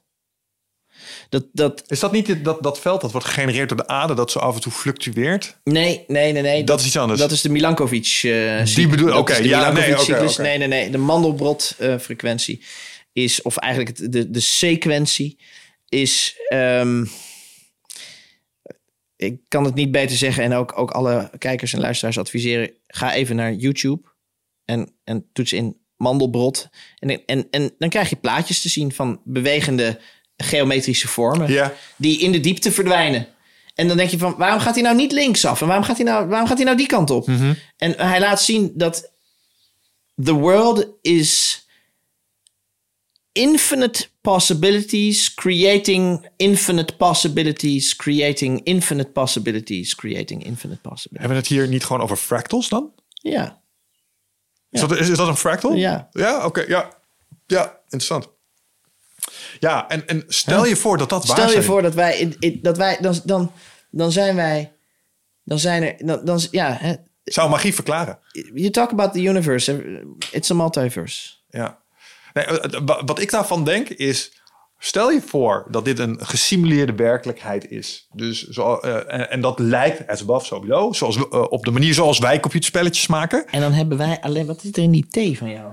hebben wij, hebben wij, dan hebben wij, weet je, ik rook wel een sigaartje, maar eh, we, hebben, we hebben, even voor de record, we hebben niets gebruikt. Ehm, eh, en, en toch is dat de vraag waar steeds. En het lijkt wel alsof, dat is het goede nieuws, het lijkt wel alsof dat veld zich steeds meer opent. Vreemd genoeg, naarmate AI in kracht wint. Omdat we geloven dat het kan. Het, het lijkt wel alsof, alsof AI zo. En terwijl wij in dat moment zitten, voelen wij van: wow, wow, we gaan steeds meer zien. We gaan steeds meer. En dan doet hij dit. Het kan eerder. Ja, en dan, ja, en dan, dan. Dan we eh, sowieso nog even over dat eh, simulated reality. Maar niets. Jij bent een gamer, dus ehm, als ik zeg console access, dan Ben snap ik, ben ik een gamer? Ik Nou, weet je- er wat je van. refereerde naar ik games, weet er je wat kent van. Lemmings. Ik, ik weet er wat van. Dus Ik cheat weet- ik codes weet- snap je ook ik wel. Weet, jawel. Ja, dus Jawel. dat- dat zou. Ik ben, ik ben er niet zo één die met een zak chips pizza bestellend. Nee, maar even. Met één hand bitcoin tradend. En met de andere hand nog eh, eh, Assassin's Creed uitspeelt. Ja, nee, geen zorgen daar. Maar eh, je, je snapt dus de vergelijking met console access. Dus als je echt in een simulatie zou zitten, de meeste spelletjes kun je op tilde drukken, komt er een soort DOS-achtig schermpje, kun je Ja, dingen inkloppen. die. En dan krijg je ineens Die extra ik- centjes of zo. Die vond ik interessant. Ja, nou, en ik denk dat magie dat is. Ja. Als dit een gesimuleerde werkelijkheid zou ja, zijn. ja you hack it. Je stapt in de, in de, in de DOS. Achter, dus zeg maar, je gaat de machinecode in, Precies, daar ga je variabelen precies, veranderen. precies, en nu moet het spel je, wel eerst alles even laten gebeuren zoals het normaal zou gebeuren. Ja, maar je hebt het wel veranderd. Ja, ja, ja. En, en je zegt dus, oeh, I have immortal key. Bijvoorbeeld. Oeh. Bijvoorbeeld. Dus, dus, dus dat daarover.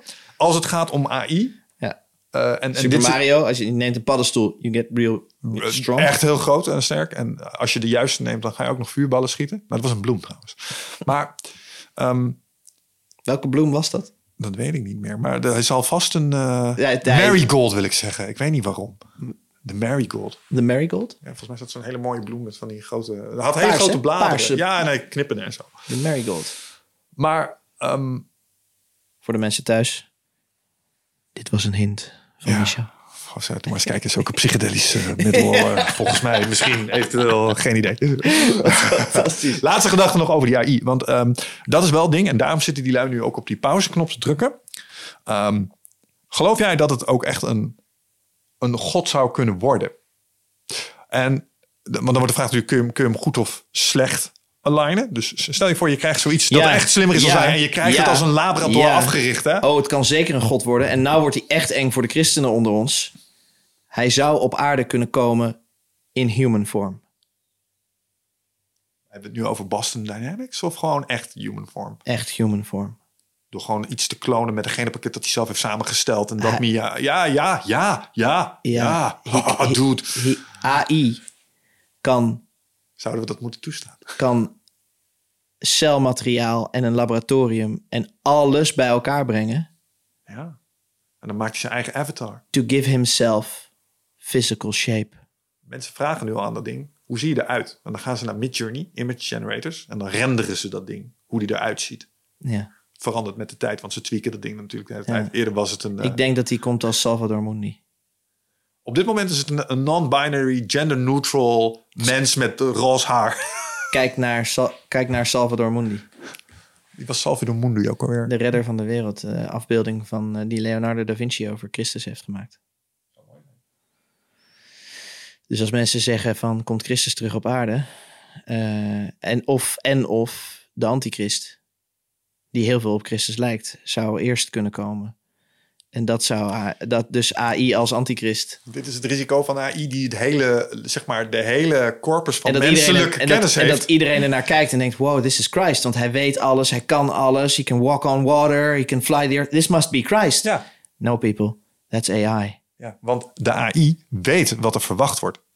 Dus dat is wat ik bedoel. Hij kent de volledige Ja. corpus van menselijke theologie. Ja, dus hij weet, hoe precies zijn. wat hij, moet weet, doen. Hij weet hoe dom wij zijn. Ja. Ja. Ja. goed nieuws voor ons. The kingdom of God is within us. Ja. Wat bedoel je daarmee? Want dat geloof ik ook wel. Dat, dat sluit aan bij, ik denk dat wij een, een vonkje goddelijkheid in ons hebben. Lees, het, lees dan als huiswerk voor de volgende keer. Dan be- beginnen we de volgende podcast eh, met het boek van de vrijmetselaar graaf Leo Tolstoy. Zijn laatste pamflet in het Engels vertaald als The Kingdom of God is within you. Is dat een hele... Want ik ken deze lijn uit een hele opzwepende speech. Hmm. Heeft hij hem gejat van Tolstoy. Ik weet niet, is dat dus toch toch you the people? Het, het zou goed kunnen, ja. You the people, you have the power to make the machines. You make the economy. The kingdom of God is within you. Ja, Zijn intro oh, van oh, een... Van nou ja, maar ho, ho, ho. Dat zit, in, dat zit onder andere in de film The Great Dictator. dan is hij daarvan. En dan is Charlie- hij daarvan. Dan, Charlie, is, dan ken ik hem het daarvan. is waar. Ja, Charlie, ja. Charlie Chaplin heeft quote daar. Nou, verwacht ik dat Charlie Chaplin ook wel een eh, lid was van een vrijmetselaarsloge. Hmm. Um, en de vraag is natuurlijk: was hij een lichtend lid in een duistere loge of een duister lid in een lichtende loge? Welk van de twee is het beste? Ik denk die laatste. Peh. Ja, ik ben lid van de AWB, dus aan mij hoef je het niet te vragen. leuk, leuk, leuk, leuk. Ik ken één persoon trouwens die oprecht lid is van de Tempeliers. Tenminste, dat zei hij. Ja. Dat is een van onze gasten geweest. Ik ga niet vertellen wie het is. Ik denk Ja. dat dat iets is wat eh, discreet moet blijven. Nou, Maar ik ja. ken een Tempelier, denk ik. Nou, er zijn mensen die lid zijn van allerlei ordes en die hebben sherpen en ordetekens en, eh en een allerlei- cape. En eh, eh, hij is ongetwijfeld ook een cape. Ehm, ja. Ik betwijfel of zij in de traditie zijn van de tempelorde waar ik aan denk. Ja. Als ik aan de tempeliers denk. Snap ik. Ehm, ja, ah, weet je, dit is echt te grappig, want we zitten nu al op 2,5 uur en ik probeerde er straks al. Want ik ik blijf maar gewoon aanknopingspunten voor toffe dingen die ik met je wil bespreken, gewoon eh, vragen. Eentje dan nog, want dit, dit gaat terug naar mijn eerste. Wat was mijn eerste indicatie dat er meer speelde als je misschien wel zou kunnen zien in de normale mainstream media? Was een documentaire op Discovery. Werd niet vaak uitgezonden. Hadden we gelukkig opgenomen. Mijn beste vriendje en ik hebben vaak gekeken. Op VHS? Op VHS. Het geheim van Rennes le Château. Aha. Wat het verhaal vertelde. Ja, ik ben naar Rennes ja. geweest. Hè? Ik ben Ja, er naartoe gegaan om het te zien. Ik wilde zien wat dit... Want dit is een modern... Die het niet kent. Het is een modern Indiana Jones verhaal. Père Saunière. Fantastisch.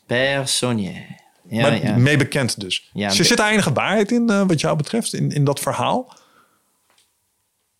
Dat, dat er in die... ge- Ik heb ook wel eens gedacht, In is dit niet een toeristding? In die gezirkelde zuil, dat die openbrak. En dat daar een document uitviel. juist. Waardoor Per Sonnier ineens over... Schilderijen met hints. Eh, eh, Dat was het mooie daaraan. En uiteindelijk was de ontknoping van die documentaire... Is de, de, de schat van de Tempeliers zou worden bewaakt. Maar die schat, iedereen denkt aan rijkdommen, want ze waren ontzettend... toen bouwde hij de Tour Magdala. Nee, eh, ze beschermden de bloedlijn. Dus blijkbaar had Christus een zoon... Ja, de toren... Christus heeft een zoon gehad met Maria de Magdala. Die bloedlijn is voortgezet. En dat is wat de Tempeliers beschermen, is, is het idee. Dus, eh, dus eh, het bloed van Christus is nog op deze wereld. Hmm. Dus als die AI een eh, sample zou kunnen krijgen... dan kan hij daar interessante dingen mee doen. Maar nee, dat, dat is volgens mij Rennes Chateau. Wat je dan wel bijvoorbeeld moet doen, is bijvoorbeeld zulke websites als MyHeritage oprichten. Of je gaat, eh, of je gaat een beetje met nose swaps die naar een laboratorium gestuurd moeten worden om te bepalen of je COVID hebt. Ga je heel diep in de bloed-breinbarrière, ga je belangrijk DNA afnemen van mensen. Of bijvoorbeeld met de hielprik neem je die wettelijk eh, niet verplicht is in Nederland, maar je stuurt je hele bataljon aan eh, niets vermoedende vroedvrouwen die zeggen, nou, we willen wel de hielprik doen. En, en, eh, Ja. gaat het DNA gaat er niet een database in natuurlijk, niet. Eh, dus dan wordt de hielprik afgenomen bij mensen. Dus wat nou als de tempeliers, als ze hem kwijt zijn? Oh, dat zou ook... Oh, What if they accidentally lost it? Dit zou echt een fantastische roman zijn. We doen het hier, we bespreken het hier. Waarom zou je een roman maken als je een podcast kan schrijven? Omdat ik heb gemerkt dat dit soort onderwerpen voor een breder publiek toegankelijker wordt zodra het in de roman giet. Illuminati's zijn veel bekender geworden door de Da Vinci Code bijvoorbeeld. Ja. En, en dat heeft wel een sluier daarop gelicht. Je hoort bijna nooit meer iemand over de Illuminati. Weet je, weet je, weet je waar eh, Dan Brown eh, zijn grootste inspiratie vandaan heeft gehaald? Voor zijn boek. In Amsterdam. Waar? Ja, bij de... Coffeeshop de Bulldog. Nee, nee, nee, nee, niet bij Coffeeshop de Bulldog. Nee, bij de, eh de Ritman Bibliotheek. Oh. Want daar liggen bijzondere dingen. De, dat is hermetische filosofie. Dat wist ik niet. Het, eh, ik heb eh, moeder en dochter Ritman mogen interviewen in mijn podcast. Oh. Ik zou ik je willen aanraden. Om ook eens te interviewen. Ik zou je willen aanraden om die podcasts te kijken. Oh zo. en ik zou je willen aanraden eens een keer naar die bibliotheek te gaan. Leuk. Ja. een coole eindbazen experience. Het is een hele coole eindbazen experience. Eh, en eh, Misschien kunnen we samen gaan. Kan je, kan je er een rondleiding Ik, oh jee, oh jee. Nou, dat laat ik aan de mensen daarover. Die weten er meer van dan ik. Maar Ja. ehm, eh, Nou, ik moet zeggen, je deed dat leuk. Want in jouw video's ga je ook naar allerlei interessante plekken in Nederland. Dus dan vertel je er wel wat... eh, ja, ik zit daar naar luisteren en denk, oh, daar had ik geen idee van. Dus ik vind geen dat mooi. idee. Ja, Oh, maar ik heb, ik, eh, heb ik goed nieuws voor je. Ik heb nog wel een paar duizend van dat soort plekken alleen al in Nederland. Laat staan in de rest van Europa. Is Nederland een occult land in dat opzicht dan? Zeker weten. Wauw. Oké, ja. Nou, Zeker Volgens weten. mij die conclusie al een paar keer getrokken in dit gesprek. Dat is misschien iets eh, voor, voor een volgende aflevering dan. Ik neem in ieder geval eh, je eh, voorstel aan om dan eh, het boek waar je het zojuist over had, Tolstoy. Is, eh, Leggen we een keer op tafel. ja, en dan eh, kunnen we die verder bespreken. Over een halfjaartje of zo. Dus, Ja, eh, nee, prima. Als de mensen een beetje bekomen zijn van, van deze. Van, deze. Eh, Ja, nou, ik moet zeggen, ik, eh, de, de tijd vloog. En ik vind het echt. eh, en ik denk dat het ook een goed teken is dat. Als ik over deze onderwerpen praat. Het kietelt iets, man. Ja. Ik vind dit eindeloos fascinerend. En ik Ja. denk dat dat ook al informatie Ja. is. Dus dan kan je denken, ja, het is allemaal wel zweverig en het is vaag. Ja, maar waarom vind ik het dan zo fucking fascinerend? Waarom is er dan iets wat mij... Sinds ik klein kind ben, ben ik al gefascineerd door oude manuscripten. En dat soort shit. Vind ik prachtig. Ik geef er maar gewoon gehoor aan. En ik kijk waar het me brengt. Ik, eh, ik vind het een hele eer dat je het met mij erover wilde hebben. Ik hoop dat eh, de mensen die luisteren, dat die denken... ga ik eens verder onderzoeken. Want eh, tegenover AI staat HI. Human Intelligence. En daar wil ik graag op focussen. Snap ik. En dat is ook iets, ik blijf dat belangrijk vinden.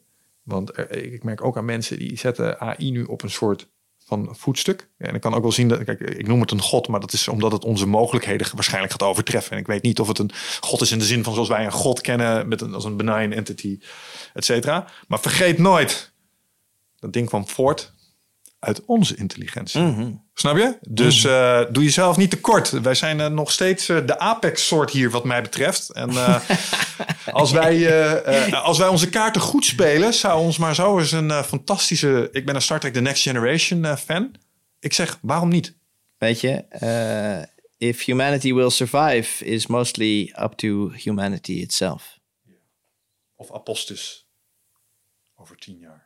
we hadden het over Don't Look Up aan het begin. Dat is volgens mij een grote komeet die redelijk dicht bij eh, de aarde zoals ja, ja, ja, die Taurusregen die komt er ook weer aan. Uh, wordt gezellig. Weet je? Good times ahead. Mensen, uh, dank jullie wel in ieder geval voor uh, de onverdeelde aandacht en het uh, afluisteren van deze podcast. Eén um, dingetje wat ik nog eventjes wil doen, is ik wil nog even de luisteraar meegeven dat... Denk je, wie is deze eloquente meneer en hoe kan ik meer van hem vinden? Hij is bezig met een fantastisch initiatief. Hoop Helder Hulleman. Ja. En dan ga je een paar toffe dingen bespreken, zoals hout is goud. Uh, je gaat een urgentierapport doen. Je vindt iets van vastgoed.